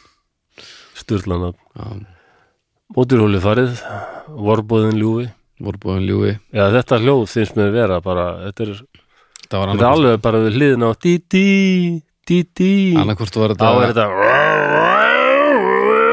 þetta þetta var annarkvort móturhul eða einhver var að, að sjóða svona 30 kilógrún og grutt minúti. Það er ekki neitt vorbóð En þá er það búinn núna, Já. það er þetta hafi verið mjög svangu björn. Já, já, við erum nú ekki beint að hætta svona á lettunóttunum er þetta, er þetta, er, þetta er, en þetta er bara svona, svona bara þetta er umveruleikin já, já. sem var. En, og hérna finnst þér ég, finnst þér ég að enda, nei. Nei, alls það, er- það er ekkert hægt að sko, það er alveg samt eins og hann segir hérna fátækti náði aldrei inn að hjartan mér finnst það fallet og svo finnur hann og það kemur beir og meir í ljós í næstu bók það er bara þessi, þessi samvinna og samstafan verkafólksins. Mm, um, hvað þetta og þegar maður heyri lýsingar bara á aðstæðum og hvernig fólk fólk hafði það verka fólk og fátækt fólk þá verður þessi verkeflis bara þetta svo skiljanleg og bara svo mikilvæg og hérna allir njóta góðs að þessi dag þessu Mm, öryggi sko. Hverju sjúkra penningar og svona, þetta var ekkert. Sem við tökum ef við tökum þessu sjálfsögum hlut. Við tökum þessu sjálf af því að er, Bara- við, við höfum aldrei upplifað neitt annað. Já. þannig hætta góðu hlutir að vera til sko. Það er samt eiginlega ekki nóg að vita það. Ekki vera það. Nei. Ég, ég ánaði líka með sko, og, já ég segi með, með þess að draugarsögur en Tryggvi lýsir líka vola skemmtilega bara hún er tekst að láta náttúrun og allt verða svo lifandi. Mm, og það er mikilvægur eiginleiki. Það er held ég listamannshjartað sem er það Mm. sko. Að geta hrifist af bara einhverjum fjallstindum eða sólinn sem er að eitthvað og, og um mitt upplifa þetta á þann hátt Já. þó að allt sé í skrúfunni sko. Mest mestum verðt hvernig hann lýsur þessu draflast að fólki, það var ekki endilega sko líkant ofbildi, það bara það var allt kalt. Mm, þannig svo væri ekkit sko engin hugsun engin söngur og engin, sko, það fannst hún greinilega vest og ég tengi mjög við það. Já, já, þetta eru alveg dreppað maður já, já, eitthvað það er eitthvað lúterst við þetta maka mikið, borða lítið blóðna sér og barsmiðar já, og ógislega leðileg vinna með hundleðileg fólki. Það, það er þetta er bara allt sem maður vill ekki. Nýjára batmaður já, fyrir þetta það. Herru, já, Já, ég held ég hafi þetta ekki lengra. Herru, hressandi? Eða þú veist, kannski ekki hressandi en Nei, nei, áhugavert. en þetta, þetta er samt þetta er uh, já, þetta er merkilegu lestur sko. Og það er náttúrulega, ég held að sé alveg örglega þetta nálgast, þetta er hljóðbók. Já, og þá einhver sem einna liðs betur en ég vantarlega við viljum hvetja alla þá hana úti sem vilja kynna sér þessa bók betur fara bara og finna hana, kaupa hana í einhverju formi, hvort sem það er Já, hljóðbók eða eða fysiskt eða raf eða, eða hvernig sem Já. það er. Fátat fólk uh, Tryggvi Emilsson. Þannig að þið tekja því Við viljum þakka kostendunum okkar Bríó og Bónus Já, fyrir hjálpina. Við gerðina á, á þessum þætti. Segið það nú maður. Og það væri einfallega ekki hægt að, að gera þetta án þeirra. Þannig, þannig að þau skulle endilega fara að kaupa ykkur bríó og fara og kaupa í versla í bónus og láta þessi kompani vita að það skipti máli að þau séu að standa í þessu með okkur. Endilega, ef það er getur fólk farið út í bónus kannski og sagt bara já, ég er nú bara hér út af draugum fortíðar sko ég veit ekki alveg hversu vel að myndi skila sér en hver veit, allavega kannski ekki vera alveg böggandi það veri kannski ekki gott fyrir okkur en svona allavega uh, að þið finni fyrir því að kannski að þetta, þetta fari nú ekki fram hjá fólki. Nei, nei, það er ekki að- að eh, það er staðrind að, að þessi kompani er að færa ykkur draugana og gera að hildur gera það. maður. Hvað séru? við mikið hildur og allt þetta bögg hennar. Eða eins og er alltaf að tala um þetta böggið hennar hildar. Við verðum með bögg um hildar. Hún er mörg bögg hildur sko. Ok, ég, eða hvað, hvað sem það þýðir sko. ég er alveg týndur núna ég veit, já, ekki, ég, ég veit ekki. Ég er alltaf þreytur þetta svo langu já, þáttum. Ég er líka rosa þreyttur. Mannlega eimt og beint í hildarbögg ég, bara, Já. ég, bara, ég get þetta ekki, ég er bara einn maður. Já, ég oft spáði hver hún er þessi hildur samt sko. Verða með böggum hildar Já, og okkur hver er að böggana svo mikið? Það er bara böggi flertöl og hildi greið auðmikið hildur, hún náð þetta ekki skilið. Þegar við förum í rannsóknar lögreglugýrin að svona rannsaka máli Já. fyrir þáttinn á henni. Sjáum hvernig líður. Já, við þum endilega hafa eitthvað svona þætti eins og rannsaka hérna bara kók og puffs stuldin í hérna Alaska, matvöruversluninni í Kóbói nóvumber kvöldið 1983 eitthvað svona mjög er ómerkileg svona casual. Já, mér finnst það, það er svona mikið af svona mordmálum og svona tettböndi hér og þar Já. Við tökum fyrir bara eitthvað svona heimilslega glæpi. Eitthvað svona hornastróðklæðrið Já, horn Já, Þetta er gott plan, þetta er gott plan. Sömulegis viljum við minnast á hljóðkirkjuna, bernur til tíðinda, tveir nýjir þettir í, um næstu helgi. já, Þannig að það er eh, hérna, annars vegar listamenn, uh, Valdimar og, og Örn alveg rétt og svo Dagur Gunnars með, með alveg dagsett. Já, Þannig að við vorum með að Dagur gera, Gunnars já, við vorum með að gera stefið í hans þátt í dag og svona, þannig að þetta er alltaf, alltaf Já, koma heima saman.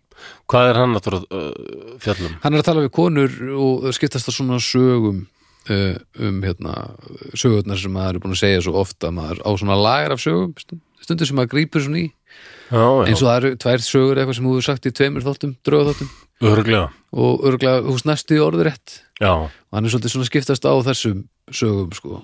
Já, já. Uh, og, og, fólk, og svona þessi saga kveikir þetta hjá þessum og það er skemmtilegt sko. Já, við, ok, það má kannski enda kannski minn, tala um sko þetta er náttúrulega fyrst, þetta er æfiminninga Tryggva Emilssonar Mhm. en Halldór Lastins til dæmis hann sagði einu sinni sko að allar æfiminningar eru Mhm. skálsugur því að minnið er sko já, já, það er Þannig já, að- það er uh, bara Breytist. m- Já, minnið okkar er geimt á sama stað og ímyndunaraflið það er alveg spurning hvort að það sé mjög gáfulegt sko ef við ætlum að reyna að halda já, skálskap og, og það er alveg hreinrættuðu minni Það er alveg eldhústóngirnar í, í keitusteinin heimskulegt sko. Ég- Já, þetta vill nefnilega stundum skarast sko, og það eiginlega bara alveg rosalega og allir sagfræðingar þetta kannast maður mjög við að mikið tala um þetta í sagfræðin námi sko, að það er náttúrulega gaman að minningum, en minnið er bara svo varhugavert. Það er bara rusl Nei, nei, það er ekki að mörguleiti sem skrásetningaform sem, sem hreint skrásetningaform Já, já, þú veist Það að það er að nota minni fólks mörgum árum áratugum síðar sem sem þú veist, í einhverjum dómsmálum eitthvað, að, að þessi muni að þetta hafi gerst svona. Algjör vitleisa sko. já, já. Já, það, það Það er er var- skemmtilegt og, og náttúrulega frábært dót. Ég er mjög fegin ég hef, hef, hef minni að því annars verður við örugglega ekki að gera hann þátt. Nei, það er mjög varhugavert sko. Ógeðslega erfitt. Ég held ég að ég minnst að um það á það í þáttunum sem verða Netflix að Devil Next Door sko þegar komum margir þetta fyrir fangar og þau voru svo samfærir um þetta að vera Ívan Grimmi sko, gleymi akkurat. aldrei þessum augum. Svo kom í ljósa